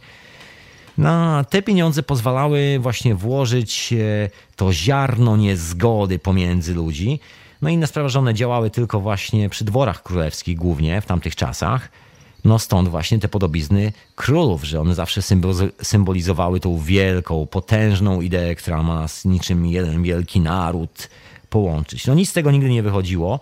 Zawsze chodziło dokładnie o to samo, o spekulację ceną towarów, no bo wiadomo, że jeżeli ktoś zaakceptował płatność w, na przykład w pieniądzach, to podlegał zawsze szczególnie królowi, który był właścicielem kopalni złota. Oczywiście wtedy nie było takich restrykcyjnych przepisów, można było sobie wykopać trochę złota na lewo i tam wpuścić na rynek, krzepiąc e, e, krzy, tam krzywe, dziwne monety, takie fałszywki, ale można było. No ale to tak nie za bardzo. Później, e, no później zostało to po prostu ukrócone, tak czy siak. No inna sprawa, że ciężko nawet na lewo w tamtych czasach było otworzyć kopalnię złota, bo jest to takie przedsięwzięcie, które jest dosyć spektakularne, widoczne i wszyscy w okolicy wiedzą, że koleś, który nam grzebie w ziemi, to wyciąga z tej ziemi złoto. Także ciężko, żeby to utrzymać w tajemnicy. To wręcz prawie fizycznie niewykonalna rzecz. No i król od razu wysyłał tam armię i ta armia od razu kładła łapę na kopalniach złota. Dlatego, jeżeli sprawiacie sobie rekordy historyczne, do kogo należały te kopalnie złota, zawsze należały do królów, do władców. To oni pilnowali trzymali na tym łapę, tak żeby móc pilnować jakby całego tego wątku spekulacyjnego, tak żeby ktoś, kto ma na przykład, nie wiem, świnię albo krowę na wymianę, nie poszedł bezpośrednio do rolnika albo nie poszedł bezpośrednio na bazar, na targ i nie zaoferował tego tak po prostu od siebie za to, czego on naprawdę potrzebuje, tylko żeby po prostu były pieniądze, które można kontrolować. Ponieważ część tych pieniędzy z powrotem wracała oczywiście w formie podatku, danin i tak dalej. Ponieważ no, ciężko jest zdrabować ludzi z tego, co mają, no bo wtedy pozdychają wszyscy z głodu. To się często w historii zdarzało, że armia wjeżdżała, rabowała wszystko, a potem był wielki głód i ludzie umierali z głodu. To do dzisiaj się bierze. Słucha, e, to się dzieje do dzisiaj w bardzo wielu miejscach na świecie, także też nie jest to tylko i wyłącznie piosenka przyszłości i przeszłości, przepraszam. Piosenka przeszłości chciałem powiedzieć. Ach. No także z tego powodu właśnie wygląda na to, że pojawiły się pieniądze. To jest na przykład w ogóle ciekawa jest historia ze złotem, które pojawiało się też w wielu innych miejscach, ale w zupełnie innym znaczeniu. Złoto pojawiało się podczas e, ceremonii i właściwie nie służyło do wymiany. Było czymś w rodzaju takiego materiału, który reprezentuje właśnie boskie siły z tego, z tego powodu, że się w ogóle nie starzeje, że nie, ulega, że nie ulega utlenianiu, że zawsze się błyszczy. Indianie kogi dokładnie w ten sposób używali złota. Nie tylko zresztą oni, masa e, masa plemion w Ameryce Południowej, w Ameryce Północnej, w, e, w, Australii to samo. W Australii to w ogóle nikt nie zbierał złota. To samo w Azji, to samo w Afryce się działo. W Indiach też bardzo podobnie. Jakby to złoto nie miało właściwie handlowej wartości jako takiej na samym początku. To był taki materiał dany od bogów, który się po prostu nie starzeje, pięknie lśni i jest używany właściwie w celach, no można powiedzieć rytualnych, w celach teologicznych, w celach e, takich naukowych, żebyśmy mogli zrozumieć, że jest coś, co żyje dłużej niż my i że lśni troszeczkę lepiej niż czasami nasza osobowość. Być może. Ale nikt nie wpadał na pomysł, żeby zamienić go na pieniądze i żeby tłuc, tłuc na nim swoją własną podobiznę. No to dopiero się pojawiło dosyć później. Nam jest sprzedawana taka historia, że to właściwie jest od początku cywilizacji i że nasza cywilizacja właściwie bazuje na czymś takim jak pieniądz. W rzeczywistości jest zupełnie odwrotnie. Właściwie nasza cywilizacja z cudem się rozwinęła, po prostu cudem, właśnie dzięki temu, że ten pieniądz ciągle to wszystko korumpował, że ledwo co udało się wytaraskać z jednego bagna, to od razu wpadaliśmy w drugie bagno, no bo ktoś wymyślał nową walutę. No i później pojawiały się oczywiście walki o spekulacje, no bo pojawił się drugi król, który miał własną walutę. No i teraz czyja waluta jest ważniejsza? No i teraz wojny o waluty. Kto ma większe monety, kto ma mniejsze, ile są warte hiszpańskie monety, ile są warte francuskie monety, włoskie monety, ile są arabskie warte monety wszystkie niby ze złota, ale każdy ma inną wagę, a wiadomo, że inna waga to można kupić większy albo mniejszy kawałek świni za to. No i tu się już zaczyna po prostu taka czysta spekulacja. Jeszcze, jeszcze taka zawalowana, bym powiedział, taka bez naliczania procentów przez e, Bank Rezerw Federalnych, tak jak się to dzieje dzisiaj. No ale tak to funkcjonowało, tak to się pojawiło i strasznie namieszało w naszej rzeczywistości. No, doprowadziło do takiej potężnej atomizacji naszych relacji. W dzisiejszych czasach po prostu relacje jako takie zniknęły. Relacje ludzkie. Nie mamy już żadnych relacji, kiedy idziemy do sklepu, kiedy stajemy przed ladą, wyciągamy pieniądze z portfela czy kartę, płacimy pani, mówimy dzień dobry, do widzenia i właściwie to wszystko. No czasami zamieniamy, jak to w Anglii, co jest ta, taką tradycją, żeby jednak te relacje społeczne jakoś tam budować, żeby to nie było tak, że wszyscy już zwariowaliśmy. Tu się jeszcze rozmawia w sklepie o pogodzie, różnych rzeczach ze sprzedawcą, właśnie po to, żeby ten pieniądz, ta transakcja nie zdominowała naszej głowy, że to nie było tak, że właściwie jedyne co robimy, to się tak bezmyślnie wymieniamy tym żetonem, mając siebie wszystkich w nosie. No bo cały świat polega na właściwie takiej kooperacji. Jeżeli się przyjrzymy na wszystkie te starożytne wykopaliska archeologiczne, to jest niesamowite zjawisko. Jakby widać potężne kultury, które się wyłaniają sprzed jakichś 5, 6 tysięcy lat, 10, 12 tysięcy lat w bardzo wielu miejscach na świecie, które w ogóle były oparte na takiej po prostu wymianie. I nie była to właściwie wymiana handlowa, tylko to była wymiana nadprodukcji, ponieważ no, normalne jest to, że wszystkiego mamy w brud na tej planecie to zdaje się ostatnio chyba na wieczorowej porze rozmawialiśmy. Jeden ze słuchaczy zadzwonił, nawet mówił, że wystarczy sobie sprawdzić, e, czy nawet w syntezie, I don't know, że wystarczy sobie sprawdzić notowania giełdowe z nowojorskiej giełdy. Po prostu można sobie wejść, przeliczyć e, wszystkie tony zboża, które tam sprzedają, tony nasion, tony owoców i sobie przeliczyć na ilość ludzi na głowie. Tak zwyczajnie, po prostu per capita na głowę. I nagle się okazuje, że właściwie no nikt z nas nie jest w stanie przeżyć tego żarcia, nawet gdybyśmy usiedli dokładnie tak jak, tak jak siedzimy teraz, jak cykl jakiś deszcz i przy gałkach, i tak żarli do końca świata przez kolejne dnie, a nawet trzy dni dłużej, to i tak byśmy tego nie przeżerli wszystkiego, bo po prostu byśmy padli z przeżarcia. Jest tego masę, to naprawdę nie ma z tym problemu. Jest to sztucznie kontrolowane, tak żebyśmy za każdym razem czuli, czuli taki niedosyt, że że trzeba zapłacić coraz więcej, coraz więcej. No wcześniej ten problem, jak się okazuje, po prostu nie istniał. To też taki fenomen cywilizacyjny, że ilekroć archeolodzy dokopują się jakichś takich ekstremalnie starych kultur, o których właściwie nic nie wiadomo, poza tym, że była o wiele bardziej zaawansowana od naszej, na przykład w technologii obróbki kamienia, w technologii obróbki metalu, no my z nich z reguły robimy jakichś głupków biegających w skórach po lasach i rzucających się dzidami, no ale to, co widzimy, to jest taka technologia, że sami nie mamy pojęcia, jak to zrobić. No i nigdzie nam nie znajdujemy żadnych śladów wymiany handlowej, pojęcia robienia interesu. Tam jest coś zupełnie innego. Wygląda na to, że właściwie no, ludzie troszeczkę lepiej rozumieli, po co są na tym świecie. I chyba lepiej łapali, że właściwie jesteśmy chyba po to, żeby się wspierać, bo jesteśmy takim dosyć, no w sumie kruchym gatunkiem. Taki zwykły jaguar albo jakaś taka duża duża, żyjąca istota z dużymi zębami i czterema łapami jest w stanie nas rozszarpać i zjeść na obiad w ciągu po prostu łamka sekundy. Jest wiele takich e, sytuacji, jest wiele takich momentów, także generalnie wygodnie jest sobie wybudować jakieś takie miejsce, gdzie te, gdzie nie jesteśmy po prostu obiadem dla mamy natury, i właściwie cała nasza energia, przynajmniej tych poprzednich cywilizacji, tak to wygląda, szła na to, żeby sobie zorganizować takie właśnie warunki, żeby sobie spokojnie koegzystować na tej planecie i nie mieć z tym żadnych problemów żeby po prostu nie popaść w jakąś psychozę wymieniania się i szarpania i wyrywania sobie po prostu kości. Tak bym to, tak bym to opisał. No dzisiaj doszliśmy do takiego punktu, że naprawdę mamy wszyscy siebie w nosie. Nawet powstały takie powiedzonka jak business as usual, czyli interes jak zwykle. Oznacza to dokładnie tyle, że niezależnie w jakim celu jest to robione i jak kiepska jest ta druga strona, czy te pieniądze idą na karabiny, czy zaraz po tym jak zapłacimy jakiejś firmie, to ona wyda te pieniądze na to, żeby zamordować jakichś ludzi i tak dalej. To się nazywa business as usual.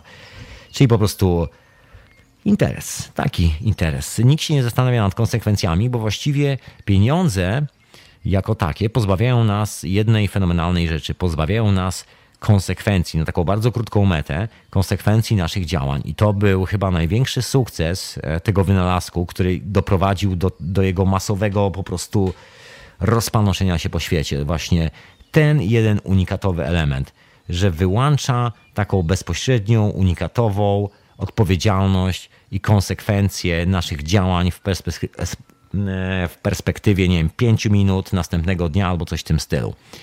Bo w tym momencie już nie, nie jesteśmy zmuszeni do tego, żeby pomyśleć o kimś dobrze, zrobić coś dobrego, zastanowić się przede wszystkim nad tym, co my na przykład możemy zaoferować. No bo Taka wymiana bez pieniędzy zmusza do bardzo takiej prozaicznej refleksji. Okej, okay, skoro nie mam kasy, a ten koleś ma rybę, a ja naprawdę po prostu na rybaka się nadaję, a chciałbym zjeść tą rybę, to muszę mu coś zaoferować. Czyli jedyne rozwiązanie jest dokładnie takie, żeby wstać i powiedzieć: Hej, rybaku, czy jest coś, czego potrzebujesz, a co mogę ci dać?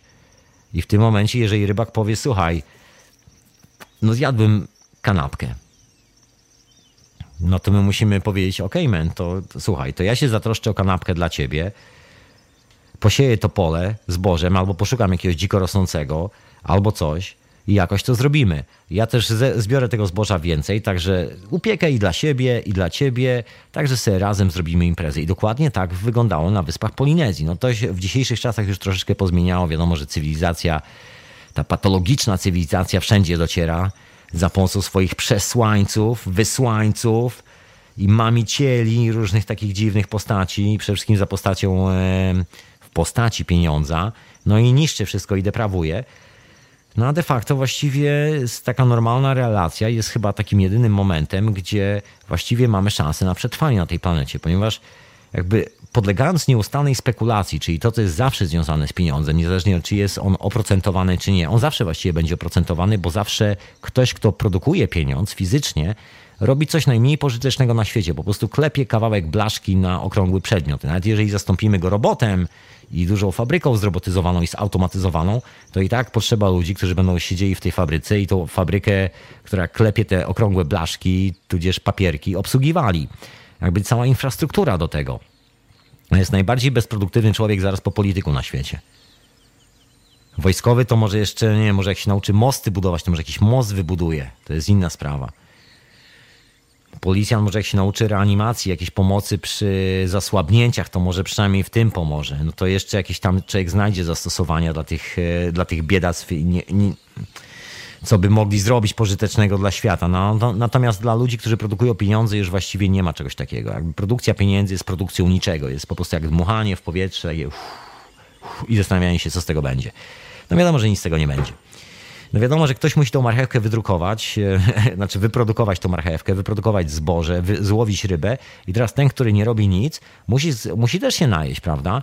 Więc automatycznie wszyscy są zgarniani do jednego worka i robi się taka zabawna patologia e, która polega na tym, że trzeba wyprodukować po prostu więcej i że trzeba zrobić zapas, ponieważ nie wiadomo, co się stanie dalej. No i te zapasy to jest chyba największa zmora dzisiejszych czasów. Jeżeli się przyjrzymy na zdjęcia lotnicze tej planety, na te gigantyczne plantacje soi w dżungli, na to wszystko, jak to jest po prostu niszczone, jak się niszczy przyrodę, dzięki której w ogóle żyjemy, funkcjonujemy na tej planecie, mamy jeszcze czym oddychać, się robi kopalnie na przykład, żeby wykopać troszkę metalu, z których się później wybije trochę blaszek, za które będzie można sprzedawać jedzenie. Taka troszeczkę paranoja. No ciężko to zrozumieć, no, chociaż w dzisiejszych czasach pojawiają się próby i alternatywy jakby przywrócenia pewnego naturalnego stanu, chociażby w postaci bitcoina, jest to taka waluta, która próbuje być czymś w miarę, w miarę naturalnym, chociaż oczywiście podlega w jakimś tam stopniu spekulacji i tak dalej, i tak dalej. To wszystko doskonale myślę wiemy. Natomiast ciągle jakby zabawa z tą, e, gdzie, gdzie, jest ta różnica? Jakby nie ma banku centralnego i każdy musi znaleźć swojego bezpośredniego klienta. Także to jest taki troszeczkę powrót do korzeni. No ja mam nadzieję, że to się naprawdę uda. Nie chciałem tutaj winić wszystkich tych okrągłych przedmiotów za całe zło świata, bo to troszeczkę tak jak mówić, e, jak obwiniać po prostu młotek za to, że się samemu uderzyło w pale z tym młotkiem. Trochę tak to wygląda czasami. No ale pieniądze też takie po prostu normalnie funkcjonujące w obiegu i cały ten ekosystem e, ekonomiczny, no jest patologiczny. To właściwie on nadaje pieniądzom taką bardzo, bardzo złą rolę, taką bardzo, no, nie wiem jak to powiedzieć. One po prostu niszczą, taka jest prawda. Nic dobrego z tego nie wynika. No w ogóle pomysł w ogóle w ekonomii był taki, że jak się wprowadzi na przykład więcej pieniędzy, czy już nie będzie ze złota, ale będzie można drukować więcej tych pieniędzy, to wszyscy będą szczęśliwi i tych pieniędzy wystarczy. No jak się okazało na świecie, pomimo tam iluś tysięcy lat, od kiedy funkcjonują pieniądze, właściwie nie doprowadziły do żadnego raju na Ziemi, a wręcz odwrotnie. Jedyne, do czego doszło, to wycięliśmy więcej lasów, zanieczyściliśmy praktycznie wszelkie możliwe oceany i wszelkie możliwe ujęcia wody pitnej. To taki fenomen. I teraz to sprzedajemy, sprzedajemy czystą wodę. ponieważ e, fabryka, która produkuje te żetoniki papierowe czy metalowe, właśnie zatruwa rzekę, z której wszyscy pili wodę za darmo, która była zdrowa. No i teraz trzeba sobie kupować e, wodę w butelkach, ale żeby kupić wodę w butelkach, trzeba mieć ten żeton, który wyprodukowała ta fabryka. No i tak zwany paragraf 22, po prostu w kółko Macieju, w kółko Macieju. No i jest trochę taka iluzja, że w dzisiejszych czasach, że jak wyprodukujemy więcej pieniędzy, albo w ogóle coś będziemy, zrobimy z tymi pieniędzmi, pozmieniamy kilka zasad, trochę w lewo, trochę w prawo przesuniemy, trochę do tyłu, trochę do przodu, no to to zmieni świat na tyle, że wszystko będzie super i nastąpi raj na ziemi. No w rzeczywistości nie ma nawet najmniejszej szansy, nawet cienia szansy na to, żeby taka sytuacja gdziekolwiek nastąpiła, ponieważ jakby pieniądze od samego początku są właśnie tym e, ekstra wariantem, który nas zwalnia z odpowiedzialności za nasze drobne czyny, za nasze myśli, za nasze przede wszystkim nastawienie do drugiego człowieka. No bo za pomocą pieniędzy można po prostu kupić wszystko. Taka opinia panuje aktualnie na świecie. Jeżeli ktoś nas na przykład nie lubi, bardzo nie lubi i szlak go trafia na nas widok, to bardzo często, kiedy wyjmiemy pół miliona dolarów z kieszeni albo milion dolarów z kieszeni, to jest tak, że mm, nasza empatia do tego człowieka stanowczo maleje i zamienia się w sympatię. No i na tym to polega właściwie, dokładnie na tym. A nawet, y, a nawet nie w ten sposób, nawet jeżeli zachowamy jakiś zdrowy rozum i nie zakochamy się w nim tylko dlatego, że ma pieniądze, to postaramy się jakby wyciąć tą niefajną część z tej relacji i koncentrujemy się tylko i wyłącznie na tej relacji między sobą, którą mamy, którą nazywamy transakcją. Czy jakby już przestajemy rozmawiać jak normalni ludzie, natomiast zaczynamy sporządzać umowy na papierze, zaczynamy sporządzać kontrakty, zaczynamy tworzyć prawa, które powodują, że ktoś tam się czuje zabezpieczony, że w ramach jakieś, jakiegoś niepowodzenia będzie wiadomo na kogo zwalić winę i ta tak zwana blame game, czyli kto jest za co winny, będzie mogła stać się, trwać nieustannie w nieskończoność. No i to wszystko będzie opłacane, cały czas finansowane i ten pieniądz będzie krążył w obiegu. Tak to trochę wygląda. A wy słuchacie radia na fali. Ja to troszkę w inny las wskoczyłem, ale już wracam do właściwego lasu. Takiego bardziej domowego lasu. Co za las. A wy oczywiście słuchacie hiperprzestrzeni w radiu na fali, retransmitowanej też w radiu Paranormalia, a na imię Tomek. No i dzisiaj czytam sobie garst, e, garścią refleksji na temat w ogóle czym jest pieniądz i czy w ogóle warto, warto w to brnąć, czy to jest w ogóle jakiś e, czy to w ogóle ma jakikolwiek sens, mówiąc tak, po prostu zwyczajnie, prosto z mostu? Bo do czego się to wszystko sprowadza? No właśnie, sprowadza się do tego braku odpowiedzialności, a ten brak odpowiedzialności jest związany dokładnie z tym samym, czym jest e, często na przykład czucie się e, częścią na przykład narodu albo byciem na, jakimiś takimi historiami narodowymi, że nagle zrzucamy z siebie odpowiedzialność za nasze relacje z sąsiadem, ponieważ wydaje nam się, że jest jakaś wielka idea, która się nazywa, Orzeł Strały, co to mu gały wylazły, czy jakoś tak, e, i te wszystkie kolorowe szmatki, które sobie powiewają na wietrze, i że to jest ważniejsze od tego, żebyśmy zbudowali relację ze swoim sąsiadem bezideową, tylko opartą na czym? Na czym? Ha? Czy ktoś już wie? No właśnie, na zaufaniu, na takim normalnym, niekapitalizowanym bezgranicznym, można powiedzieć, zaufaniu. Ja nie mówię o jakimś szaleństwie, po prostu o normalnym rozsądku, po prostu zaufanie, że jest to taki sam człowiek jak my, ma takie same potrzeby jak my, no i robi te same rzeczy jak my, Także na pewno się dogadamy, bo wszystko, co jest dookoła nas, jest dokładnie właściwie takie samo. No, mamy inne refleksje, mamy troszkę inny sposób ogarniania rzeczywistości, ale jesteśmy tymi samymi istotami. Także zaufanie jest taką elementarną rzeczą. No i wszystkie te ideologie, które właśnie się pojawiły, na początku się pojawiało pieniądze, później pojawiały się państwa, które mają swoje własne pieniądze i próbują nas przekonać, że jesteśmy członkami jakiejś społeczności, która ma jakąś kolorową szmatę nad sobą i z tej okazji powinna się po prostu powybijać nawzajem albo w jedną, albo w drugą stronę. Nawet nie chcę tego komentować za bardzo, to szkoda po prostu naszego życia na takie duperele. No i zapominamy o odpowiedzialności za budowanie naszych relacji, no bo już nie ma takiej potrzeby, bo po prostu jest ideologia. Przyjdzie żołnierz, nastuka tamtemu, policjanta mu wyśle, albo coś w tym stylu, po prostu ideologią się zasłonię po prostu. Będę krzyczał, że wielki naród, albo coś w tym stylu. I to, I to będzie pomagało. Będzie nas dużo krzyczało wielki naród i wszyscy będziemy wielcy. A psychoza maniakalna, to też e, na leczenie się kwalifikuje. Takie dosyć, dosyć, e, dosyć dobre leczenie, bym powiedział, takie solidne. No i nie ma wtedy żadnej relacji między nami, jest tylko relacja między ideą albo pieniędzmi. I dokładnie to się klei, bo właściwie ta relacja do idei polega na tym, że nie chcemy brać odpowiedzialności za budowanie takich indywidualnych rozwiązań między nami, że ja posadzę to zboże, wyprodukuję ten chleb dla tego kolesia, który ma łódkę i łowi te ryby, a on złowi ryby. Nie, nie, my po prostu wierzymy, że jest jakaś idea, która nas złączy, my pójdziemy, pobijemy kogoś, zabierzemy mu jego chleb, zabierzemy mu jego rybę, po to, żeby po prostu być sami najedzeni, a najlepiej będzie jak sami wymyślimy pieniądze i generalnie będziemy tymi pieniędzmi operowali jeszcze na, na dodatek i będziemy pośrednikami. I w ten sposób będziemy odcinali dostawców od tych, którzy są odbiorcami, będziemy mogli e, żyć sobie z tej różnicy ceny, niewiele sobie robiąc. I właściwie po to powstały te wielkie takie molochy, takie nielogiczne organizacje pod tytułem państwa i narody, tak zwane, no po to, żeby jakby trzymać to wszystko w ryzach, żeby ludziom do głowy nieustannie wtłaczać, że po prostu sami ze sąsiadem to sobie rady nie dadzą, bo musi być wielkie państwo, musi być sztandar, musi być naród, ideologia, musi być orzeł biały albo co innego, no i to wtedy działa. Wtedy działa. No wtedy, jak się okazuje, nic nie działa, co chyba wszyscy doskonale mieszkający pod dowolną flagą i dowolnym orłem, sro, sro, srorłem na świecie doskonale wiedzą, że żadna z tych idei nie zapewniła ani nikomu pełnego brzucha, ani spokoju, ani bezpieczeństwa, ani radości, ani szczęścia, ani miłości. Jest to tylko i wyłącznie ideologia, która służy właśnie takiej atomizacji, takiej, żebyśmy przestali wierzyć w siebie i dokładnie w tym momencie wskakują od razu pieniądze, bo one spełniają tą rolę tego męża zaufania. I w tym momencie zaczynamy ufać pieniędzmi. Całe nasze zaufanie odchodzi właśnie na, na ten mały przedmiot, który trzymamy w ręku, no bo jest to jedyny przedmiot, który wtedy w tym momencie gwarantuje nas w obliczu gwarantuje nam w obliczu tej ideologii, jakiejkolwiek jakaby ona nie była, czy to jest komunizm, kapitalizm, socjalizm, sralizm, dupalizm, cokolwiek to jest, wtedy ten mały przedmiot daje nam poczucie bezpieczeństwa. I to jest chyba największa iluzja i największa pułapka cywilizacyjna, w którą wpadliśmy. To jest po prostu coś bez, to jest studnia bez dna, można powiedzieć. To taka naprawdę przerażająca. Zaufaliśmy wszyscy kilku przedmiotom, które są produkowane przez kilku ludzi, którzy sami nie są w stanie skumać, co właściwie z tym wszystkim robią i po co jest to wszystko.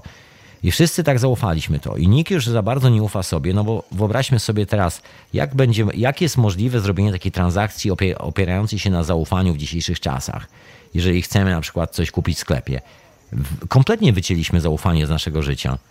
To jest fizycznie niemożliwe. No, proszę, jeżeli ktoś nie wierzy, proszę przejść do sklepu, uśmiechnąć się do sprzedawczyni i powiedzieć: Przepraszam bardzo, nie jadłem cały dzień, bo na przykład byłem głodny albo coś, wziąłem bułkę. Czy mógłbym wziąć, wyjść z tą bułką nie płacąc za nią? Czy mogłabyś mi dać ją w prezencie?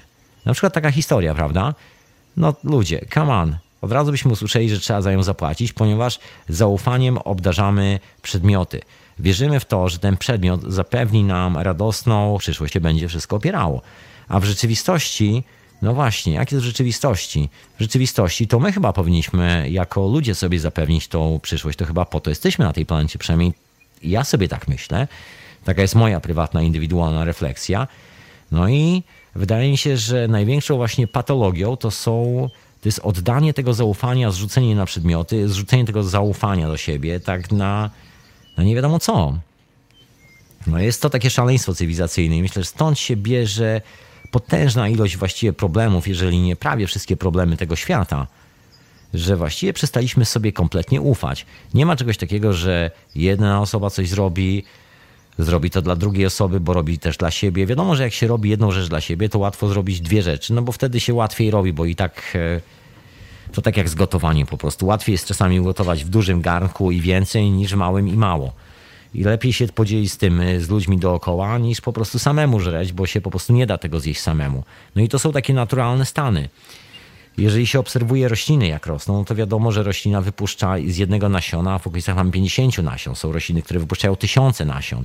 Generalnie wzrost w naturze jest czymś takim naturalnym, czyli jakby problemu z tym, że ktokolwiek będzie głodny, nienajedzony, że tam w ogóle komuś nie starczy dachu nad głową, jakieś takie sprawy, właściwie nie są żadnym problemem, bo natura jest tak skonstruowana, że to wszystko funkcjonuje i tylko w świecie, gdzie funkcjonuje pieniądz, jakikolwiek, czy odsetkowy, czy nieodsetkowy, tak naprawdę są ludzie, którzy no nic nie mają, którzy są skazani na taką ekstremalną wegetację, właściwie można powiedzieć wręcz skoń, kończącą się śmiercią.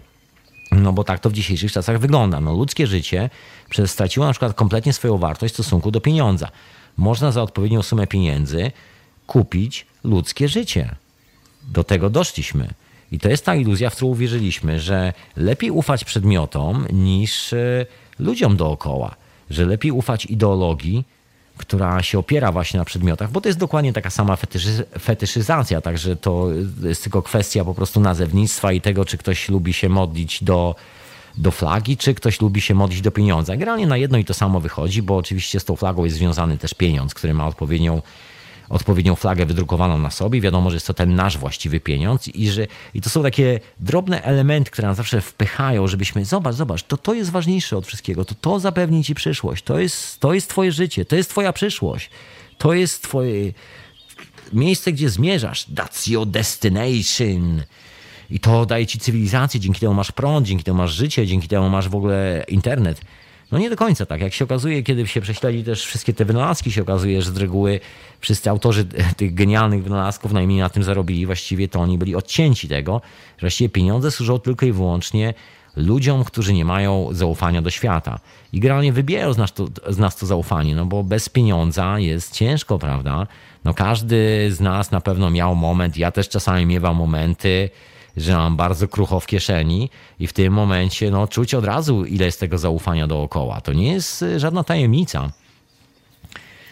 No oczywiście jest z tym sprawa związana jakby taka jeszcze osobna, że, że jest energia w ogóle przy pieniądzach. Jest, jest takie zjawisko. No, my o tym oczywiście nie lubimy tak normalnie ogólnie mówić jako ludzie, ponieważ brzmi to trochę jak Harry Potter, no ale to jest sprawa związana z tymi wszystkimi niewidzialnymi mocami dookoła nas, które ignorujemy, a które pomimo wszystko stwarzają całe życie. No i te moce też potrafią się przykleić do czegoś. No i pieniądz jest chyba taką reprezentacją jednych z tych mocy i tam przechowuje część tej energii. No i czy chcemy, czy nie, no po prostu skleja się do nas, skleja się do nas w jakiś taki dziwny, magiczny sposób. A wysłuchajcie oczywiście hiperprzestrzeni w radiu na fali, transmitowanej też w radiu Paranormalium. No i dzisiaj o konsekwencjach w ogóle posiadania i używania czegoś takiego, co się nazywa po prostu pieniądz. E, bo konsekwencje tego są naprawdę bardzo szerokie. Ja dzisiaj tylko mówię o naprawdę bardzo takim wąskim zakresie tego wszystkiego. No o co chodzi z tą, z tą ideologią? Bo to jest e, czasami czasami wręcz przerażające, no nie czasami, tylko w ogóle przerażające, słuchajcie, bo cała ta historia jest, jeżeli wrócimy do tych e, normalnych rzeczy, zauważymy, że właściwie ideologia, o czym doskonale wiem, jest po prostu taką patologią. Po prostu pozbawia nas własnej autorefleksji i zmusza do wiary w coś, co ktoś uznał za prawdę objawioną. No, my możemy dołączyć lub nie, ale zasada jest zawsze taka sama. Musimy przyjąć tą prawdę objawioną jako taką całość po prostu. Albo kupujemy całość, albo wypad z baru. Po prostu nie, nie ma czegoś takiego, że e, jestem tylko w połowie w ciąży. Nie ma takiej opcji. Po prostu albo się łyka całość, albo do widzenia. E, no ta ideologia, słuchajcie, nie istnieje w takich, e, podczas takiej właściwie w miejscach, gdzie nie ma jako taką wymiany finansowej, gdzie nie ma czegoś jak ekonomia, takie zjawisko nie występuje. Jest natomiast e, pojęcie dbania o naturę, po prostu utrzymanie harmonii z naturą, taka normalna, naturalna kolaboracja, czyli to, że ja na przykład bezpośrednio hodując zboże na swoim polu, no nie zatruję sobie rzeki, z której piję wodę i którą e, podlewam to zboże, po to, żeby, żeby je wyhodować więcej i wziąć za to więcej ryb od rybaka. Ponieważ pierwsza rzecz nie potrzebuje więcej ryb, a druga rzecz potrzebuje zdrowej wody dla siebie. I to jest taki naturalny mechanizm, który zawsze sam się stabilizuje. Ja nigdy nie wykonam e, takiego e, numeru z cyklu kamikadze i po prostu sam sobie nie strzelę w głowę z tego powodu, że potrzebuję zgromadzić więcej niż e, potrzebuję na dzisiaj. Jakby ten problem nie istnieje. Natomiast kiedy pojawia się jakakolwiek idea narodowa, która właściwie no, służy tylko i wyłącznie po to, żeby pilnować siły wymienialności konkretnej waluty, żeby grupa ludzi, która operuje konkretną walutą, no, mogła dalej na tym trzymać łapę i po prostu, żeby ich pieniądz znaczył jeszcze więcej. No tamty, jak widać e, z praktyki, to nawet nie trzeba się zastanawiać, słuchajcie, czy jest w Polsce, przepraszam bardzo, jakaś, w Anglii też nie ma tego takiej opcji. E, po prostu znalezie, opcja znalezienia jakiejś dużej rzeki, z której można napić się wody tak zwyczajnie. Słuchajcie, czy ktoś może mi doradzić, czy jest taka rzeka, że jakbym wziął, zanurzył szklankę w Wiśle, Odrze albo, Odrze, albo tu w Tamizie i wypił tą wodę, to na pewno dobrze bym się poczuł? Czy jest taka opcja? Ja sądzę, że chyba nie ma takiej opcji. No i to jest chyba też kwestia, że przestaliśmy dostrzegać pewne elementarne rzeczy, ponieważ no ciągle gonimy za, właśnie, ciągle biegniemy za tą historią związaną z tym małym, okrągłym przedmiotem, który symbolizuje naszą przyszłość, w dzisiejszych czasach już symbolizuje nasze zaufanie, symbolizuje stabilizację, symbolizuje też relacje międzyludzkie bo za pieniądze się po prostu kupuje relacje. No i tak to wygląda dokładnie. Do tego, do tego doszła ta cała cywilizacja. Także no nie jest to jakieś takie zdrowe rozwiązanie. Ja to się ciągle zastanawiam nad tym, no jak to, jak to się stało, że tak się stało. nie, może my się po prostu przyzwyczailiśmy. Chociaż słuchajcie, to tak naprawdę nie do końca stało się wszędzie i myślę, że to jest dobra rzecz, dzięki temu w ogóle ta cywilizacja jeszcze funkcjonuje, bo znakomita część świata, taka w ogóle gdzieś tam odcięta od tej cywilizacji, w ogóle tam, gdzie są lasy, które produkują tlen, którym oddychamy, co jest dosyć istotne, bo bez tego tlenu tak ciężko było z oddychaniem, no chyba, żebyśmy zapłacili firmie Nestle za jakieś specjalne puszki z tlenem, żebyśmy mogli oddychać, bo do tego się chyba sprowadza cały ten dowcip z, z ekonomią z tą nową współczesną religią, która pozbawiła nas relacji międzyludzkich, a zmusiła nas do wiary w przedmioty, które są ważniejsze od ludzi. I warto w nich pokładać nadzieję, a nie w ludziach. No stąd się wzięło też kolekcjonerstwo e, luksusowych przedmiotów. No to jest dokładnie kolejne posunięcie tego fetyszu. To jest jakby kontynuacja dokładnie tej samej drogi, że pojawia się idea, ona jest ważniejsza od wszystkiego, no a my mamy podążać. A mam tu telefon, słuchacza już odbieram. Halo, halo, witam serdecznie Teflonie, jak zdrówko? Mm, dobry, dobry, e, sam raz. Poproszę, żebyś tam wyłączył radio, żeby nie było przebicia. No, no, no już się udało. Mm, tego, nego... Mm, Słuchaj, co myślisz o tych pieniądzach? Słuchaj, powiedz mi, co myślisz? Myślisz, że są potrzebne, czy są w ogóle niepotrzebne? Czy to jest wypadek cywilizacyjny, który doprowadził, na, doprowadził nas do tej katastrofy, w której, wiesz, wszyscy mieszkamy, takiej cywilizacyjnej katastrofy, że jesteśmy już bez miejsca, gdzie się można cofnąć, jeżeli chodzi o ten sposób funkcjonowania? czy też y, w drugą stronę? Yy, powiem, no, czy to chyba nie o pieniądzach, nie wiem, czy to jest temat o pieniądzach, bo... No to, to, jest, to jest temat o pieniądzach jak najbardziej, no bo stąd się wzięło, wiesz, no ja o tym cały czas mówię, że pokładamy zaufanie w przedmiocie, który, że tak powiem, wystylizowaliśmy do, już do pewnego ekstremum, y, dookoła już są ideologie, wiesz, mamy cały po prostu zestaw taki y, dodatkowo, żeby, żeby wydawało nam się, że jest to ważne. Powiem, że dzisiejszy pieniądz kiedyś pieniądz faktycznie był przedmiotem i był wymienialny. Y, tak jak przedmiot mógł się wymienić jednym krzesłem za stół za, albo dwoma krzesłami za stół. I to jest na kwestii, kwestia wymienialności. I jeżeli złoto by było przedmiotem, czy pieniądz byłby przedmiotem, y, to można by się było wymieniać y, tymi różnymi przedmiotami za jeden za drugi ale przez to, że e, pieniądz jest od, oderwany od jakichkolwiek przedmiotów. No słuchaj, ale nie wydaje, ci się, nie wydaje ci się, że to nie jest w ogóle kwestia związana ani z Fedem, ani z żadnymi takimi historiami. Po chciałem na przykład się ciebie zapytać, jeżeli lądujesz z workiem złotych monet na pustyni, to co będziesz jadł? Jeżeli będziesz jadł te złote monety, rozumiesz, no ale... czy, czy naprawdę, czy to ma sens? Czy czy nie lepiej z... No ale jeżeli mhm. ląduję z, z, workiem e, baterii do, do, do Nokia 3030, to co będę jadł, nie? No też nic nie zjesz. Ja mówię po prostu o to, żebyś wziął jakąś wodę, jakieś, wiesz, warzywa, po prostu coś do jedzenia, wiesz co chodzi. Porównanie, nie? Tylko, że wiesz, że dojdziesz kawałek dalej i sobie wymienisz baterię na, na jedzenie, nie? A gdzie indziej, se, a, a pieniądze, no, no sam, wiesz, też możesz wymienić pod warunkiem, że ma jakąś wartość, nie? No właśnie, co oznacza ta wartość pieniądza dla ciebie? Bo to jest intrygujące. Ja uważam, że wiesz, no nie ma żadnej wartości za bardzo. Intrygujące jest co innego. E, to o pieniądzach jest inny temat całkowicie. No ale ja tu o pieniądzach, bo o tym jest, o tym jest ta hiperprzestrzeń, mój drogi. Jakbyś nie, nie zauważył. Nie, nie, właśnie. No właśnie, o tym jest, mój drogi, o tym jest. Trzeba było słuchać od początku. Taki jest temat dzisiejszy. Właśnie zastanawiam się nad właśnie ekonomią, nad tym, czy te pieniądze czy te pieniądze nie skorumpowały po prostu naszej cywilizacji dogłębnie? Czy to, to, to, nie jest jedna z tych rzeczy, które tak naprawdę doprowadziły nas do po prostu gigantycznej katastrofy? Właśnie to, że nasze zaufanie w stosunku, które powinniśmy. Ja e, powinniśmy ufać sobie po prostu, Teflonie, a nie na przykład pieniądzom, rozumiesz? To jest taka ciekawa refleksja, przynajmniej moja. I myślę, że tak to powinno wyglądać. E, no właśnie, ale zauważ. Yy Ufać sobie, no właśnie, ale co, co, znaczy, wiesz, sobie ufać, nie? Ja sobie ufam albo nie, albo nie zawsze sobie ufam, dlatego wiem, kiedy sobie nie ufać, no nie? Że sobie, ja wiem, że to nie o tym mówisz, ale... E, no słuchaj, no mówię o takiej kwestii na przykład wymiany. Czy jesteś... Mhm. Bo robisz jakieś tam rzeczy, czy jesteś w stanie zrobić na przykład konkretną rzecz, zrobić, wiesz, ileś tam rzeczy kompletnie za darmo, po prostu jakby, wiesz, nie, nie stawiasz ceny na to, następnie zmontować sobie jakiś taki ekosystem, powiedziałbym, taki mały, w którym na przykład wymieniasz się tymi rzeczami już na gotowe rzeczy, tak żeby na przykład pominąć kwestię w ogóle jakiejkolwiek waluty, czy to jest, wiesz, bitcoin, czy to jest cokolwiek innego, czy to jest dolar, złoto, cokolwiek.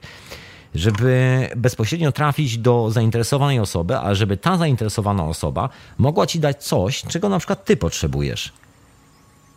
No, no, no właśnie, nie? No, Wiem, że to nie jest temat tej audycji, tylko zobaczę z tego, co chcę powiedzieć, ale... Ale to wiesz, to, to ty chcesz powiedzieć to, mój drogi, musisz sobie zrobić własną audycję w własnym radiu, rozumiesz? Wtedy masz do oporu. Natomiast ja tu mówię o, dzisiaj o pieniądzach i o tym, jak skorumpowały według mnie, jak skorumpowały nasze relacje, że odjęły nam zaufanie, że właściwie, słuchaj, czy na przykład ufasz bardziej sprzedawczyni, czy ufasz e, swoich, swoim, e, swoim portfelowi? Jeszcze raz powiem. Co do, dobra, okej, okay, niech dobrze będzie, że porzucę ten temat. Nie? Bądźmy na temacie zaufania. Mówmy o tym. Nie? Mm, w każdym razie, mm, jeżeli to byłby temat o pieniądzach, a nie jest, bo dobrze wiem, że teraz dopiero ci się wcisnął taki głupi te, znaczy temat. Man, który... E, wiesz co, no, no, nie wiem, słuchaj, to ja może cię rozłączam, ja może da, no, dalej będę kontynuował, bo, hmm, bo tu jest bardzo. o pieniądzach od początku, także, także o tym rozmawiamy pewnie z 20 minut i nie jest, no ale dobrze, niech będzie. No okay. to słuchaj, nie, nie wiem, no man, no to może powinieneś czasami z szacunku dla człowieka, który mówi w tej audycji, posłuchać kiedyś od początku, a nie próbować tutaj wkręcać jakichś takich dziwnych rzeczy. Chciałbym powiedzieć niestety w temacie, ale nie da rady, bo jest narzucony temat o pieniądzach, no który no, włączyłeś minutę temu, no ale nie mogę powiedzieć, więc muszę mówić o pieniądzach, y, gdzie nie mam przemyśleń, ale mogę mówić o tych pieniądzach, no ale Słuchaj, trudno. to może ja cię rozłączam, jak okay, nie masz przemyśleń na ten temat bo tu jest naprawdę na ten temat. Także dzięki wielkie za telefon. To był Teflon. Słuchajcie, no właśnie, wracając do tych pieniędzy, bo jest w ogóle ciekawa rzecz, e, o czym chciałem wspomnieć tak właśnie w sam raz na koniec. Jak to w ogóle gdzieś tam zostało w daleki, na dalekim wschodzie, no mniej lub bardziej dalekim powiedział. Nigdy tam nie byłem, ale pewnego dnia być może się wybiorę, kto to wie. No ale informacje stamtąd są do sprawdzenia, także nie ma z tym problemu. Jest taka instytucja jak ludzie, którzy są, no można powiedzieć, e, oświeconymi, są mnichami. Generalnie właściwie nie wykonują żadnych specjalnych ról poza dbaniem po prostu o drobne ogródki, medytowaniem i robieniem takich po prostu normalnych rzeczy, pomaganiem ludziom i ta, ta, jakoś tak, medytację. I to jest w ogóle bardzo ciekawa historia, bo właściwie ci ludzie funkcjonują bez żadnych pieniędzy. Tam po prostu nie ma takiej opcji, no nie wszędzie i nie, nie, nie każdy rodzaj mnicha, to oczywiście też nie jest tak, że to jest taki standard dla wszystkich krajów, wszystkich miejsc na świecie, że każdy na przykład tybetański mnich nie ma przy sobie ani grama gotówki. Teoretycznie i praktycznie z reguły tak, bo cały dowcip polega na tym, żeby ominąć sytuację robienia interesu, ominąć sytuację robienia jakiegokolwiek dealu, żeby nie budować czegoś takiego jak jak jakaś taka grupa po prostu sklejona jakąś taką fałszywą, można powiedzieć, ideologią. Przynajmniej w buddyjskim tego mniemaniu jest to po prostu podążanie za iluzją, żeby nie budować tej iluzji, jakkolwiek ona, jakąkolwiek formę będzie przybierała, tylko żeby zbudować relacje między ludźmi i przekazać informacje w ten sposób. No właściwie de facto, tak jak zacząłem opowieścią o tych ludziach na tych niesamowitych wyspach, którzy właściwie przekazują sobie informacje i tam, e, tam nie ma pojęcia jako pieniądz, jako takiego. To jest właściwie przekazywanie sobie opowieści, przekazywanie sobie historii, przekazywanie sobie po prostu dobrego, fajnego doświadczenia, takiego, że nasza monotonia po prostu znika, że możemy sobie spokojnie funkcjonować od początku do końca. Jeżeli nawet poczujemy się troszkę znudzeni, to zawsze się coś dzieje w okolicy, można wpaść do sąsiadów na imprezę, powymieniać się grzechotkami, powymieniać się naszyjnikami, jest po prostu fajnie. Niektóre mają większą wartość, niektóre mniejszą wartość. Niektóre mają magiczną wartość, nimi też warto się wymienić, bo za tym stoi taki ten cały niewidzialny świat, który jest bardzo intensywny. No ale generalnie to wszystko właściwie, ale i co najważniejsze, wymieniamy się bezpośrednio z ludźmi. Ten prezent trzeba po prostu wziąć i podarować osobie z tego drugiego plemienia. Po prostu tak wziąć w rękę i przekazać do drugiej ręki. Tego się nie da zrobić w komisie, tego się nie da po prostu wystawić na eBayu, nic z tych rzeczy. No i bardzo podobna historia jest e, z mnichami buddyjskimi, którzy właściwie nie zajmują się pracowaniem, zajmują się medytowaniem. Jakby robią, żeby po prostu atmosfera była dobra. No można w to wierzyć lub nie. Na pewno znajdzie się masa ludzi, którzy nazwałaby ich darmozjadami, którzy nic nie robią, ale nie do końca tam się w tych klasztorach też sadzi ryż, też się rozdaje tu ludziom. No generalnie mniejsza o to, nie chcę za bardzo wrzucać buddyjskich opowieści, bo nie o tym jest dzisiejsza, dzisiejsza refleksja, którą tu wrzucam. Tylko ciekawy jest sposób funkcjonowania w ogóle tych ludzi. Oni mają taką swoją miseczkę, z którą chodzą i generalnie odpowiedzialnością każdego człowieka, który na przykład mija takiego mnicha, jest to, żeby wrzucić mu do tej miseczki po prostu trochę jedzenia. Ponieważ ten facet, który medytuje i właśnie chodzi spokojnie, on mu zapewnia spokój, on mu zapewnia poczucie bezpieczeństwa, bo jeżeli cokolwiek się stanie w jego życiu, na przykład nie poradzi sobie z emocjami, będzie jakiś taki, no coś się wydarzy w życiu takiego, że po prostu trzeba się ogarnąć trochę bardziej po prostu emocjonalnie, no to będzie to prawdopodobnie jedyny człowiek, który bez żadnego interesu, bez żadnej idei, bez żadnej agendy, bez żadnej polityki, ideologii pieniądza i e, współczesnej religii, ekonomii, po prostu siądzie z nami za darmo, tak jak mówiłem, są darmowe lunche, siądzie z nami za darmo i postara się nam pomóc, tak żebyśmy poczuli się naprawdę ok, żebyśmy zrozumieli samego siebie, zrozumieli gdzie idziemy, zrozumieli własne smutki, lęki, wszystkie historie z tym związane. I ten człowiek jest utrzymywany przez tą społeczność tylko po to, żeby po prostu był i żeby w razie takiego trudnego momentu, żeby można się było do niego po prostu zwrócić. On nie bierze żadnych pieniędzy, on tylko bierze po prostu jedzenie. Jest wiele, wiele takich religii, no nie wiem, bo to nie są do końca religie, to są właściwie bardziej systemy filozoficzne niż e, religie bardziej po prostu sposób na życie, bym powiedział, bo to ciężko nazwać jakąś fundamentalną religią, bo religia już wchodzi po prostu pod kwestię no, ideologizacji. To tak jak z pieniądzem, po prostu, który stworzył królestwa, stworzył mocarstwa, stworzył narody, stworzył waluty, stworzył wojny pomiędzy walutami, stworzył cały ten e, wyścig szczurów, w którym wszyscy biegniemy gdzieś tam nie wiadomo po co, żeby kurs dolara mm, szybko rósł w górę, albo kurs euro rósł w górę, albo złotówki, albo kogoś tam innego. I żeby nasza waluta była lepsza od waluty innej, ponieważ tak już jest z walutami, że jak będzie lepsza, to kupimy za to więcej jedzenia. No w rzeczywistości nie wiadomo właśnie, czy kupimy za to więcej jedzenia, bo na razie świat doszedł do momentu, że wszyscy mamy po prostu w brud tych pieniędzy, one się przewalają po bankach i właściwie nic z tego nie ma. Inna sprawa, że już po tylu stuleciach operowania walutami na różne sposoby, na początku było to srebro, były też, słuchajcie, koraliki w niektórych miejscach na świecie, które też były traktowane jako pieniądze. I żadne z tych e, substancji, żaden z tych substytutów naszego zaufania, substytutów naszych relacji indywidualnych, międzyludzkich, żadna z tych rzeczy właściwie nie zapewniła spokoju, bezpieczeństwa temu światu. Do tej pory borykamy się z wojnami, no i wojny też właściwie biorą się stąd, że no jest pieniądz, i ten pieniądz jest obdarty właśnie z tej odpowiedzialności. To się tak wydaje, że po prostu odpowiedzialność znika. Można na przykład kupić jakiś produkt, chociaż doskonale wiem, że został wyprodukowany w obozie koncentracyjnym pracy przymusowej, ale pieniądz nas po prostu zwalnia od tej informacji, ponieważ kupujemy już od pośrednika, który nam o tym nie mówi, albo jakoś tak. I na naszym pieniądzu już nie widać ludzkiej krwi. I on, kiedy bierze ten pieniądz, też tam nie widzi ludzkiej krwi. Ten pieniądz y, manifestuje tą całą energię dookoła, no i chyba to nie jest najlepsza energia, bo taka energia jakby ucieczki od y, odpowiedzialności za to, co się robi, no bo jeżeli wykonujemy jakąś czynność i wrzucamy coś do świata, jakieś, nie wiem, dzieło, jakiś kawałek marchewki, jakiś kawałek pieczywka, czy złowimy rybę, to zależy nam na tym, żeby to było zdrowe generalnie, bo jeżeli łowimy już dla siebie, to po prostu nadmiar tego sprzedajemy, znaczy sprzedajemy, po prostu dzielimy się tym z kimś innym. Sprzedajemy w sensie wymieniamy się na coś, co, in, co ktoś inny może nam zaoferować, albo nie wiem, dobre samopoczucie, albo dobrą imprezę, tak jak na tej Polinezji, tam gdzie cała wioska pakuje się na łódki, biorą ze sobą świnkę czasami i z tą świnką zasuwają na drugi koniec archipelagu, żeby tam po prostu zrobić dobrą imprezę. Po prostu wypukać się z tego żarcia, bo i tak rośnie wszędzie dookoła, to nie ma problemu, się pozbiera. Przecież wiadomo, że nikt od tego nie umrze, a dzięki temu będą relacje zawarte i może ktoś się ożeni z kimś, może będą z tego jakieś dzieci i tak dalej, i tak dalej. I z tego powstanie piękna miłość, jakieś e, no niesamowite przygody, także nigdy nie wiadomo. No a my doszliśmy do takiego momentu, że właściwie no, mamy tego pieniądza, nie ufamy już sobie, no wiadomo, że może nam zabrać pieniądze, a jak zabierze pieniądze, to my będziemy mieli mniej pieniędzy, a nie... No i nie jest to pożądana sytuacja w dzisiejszych czasach.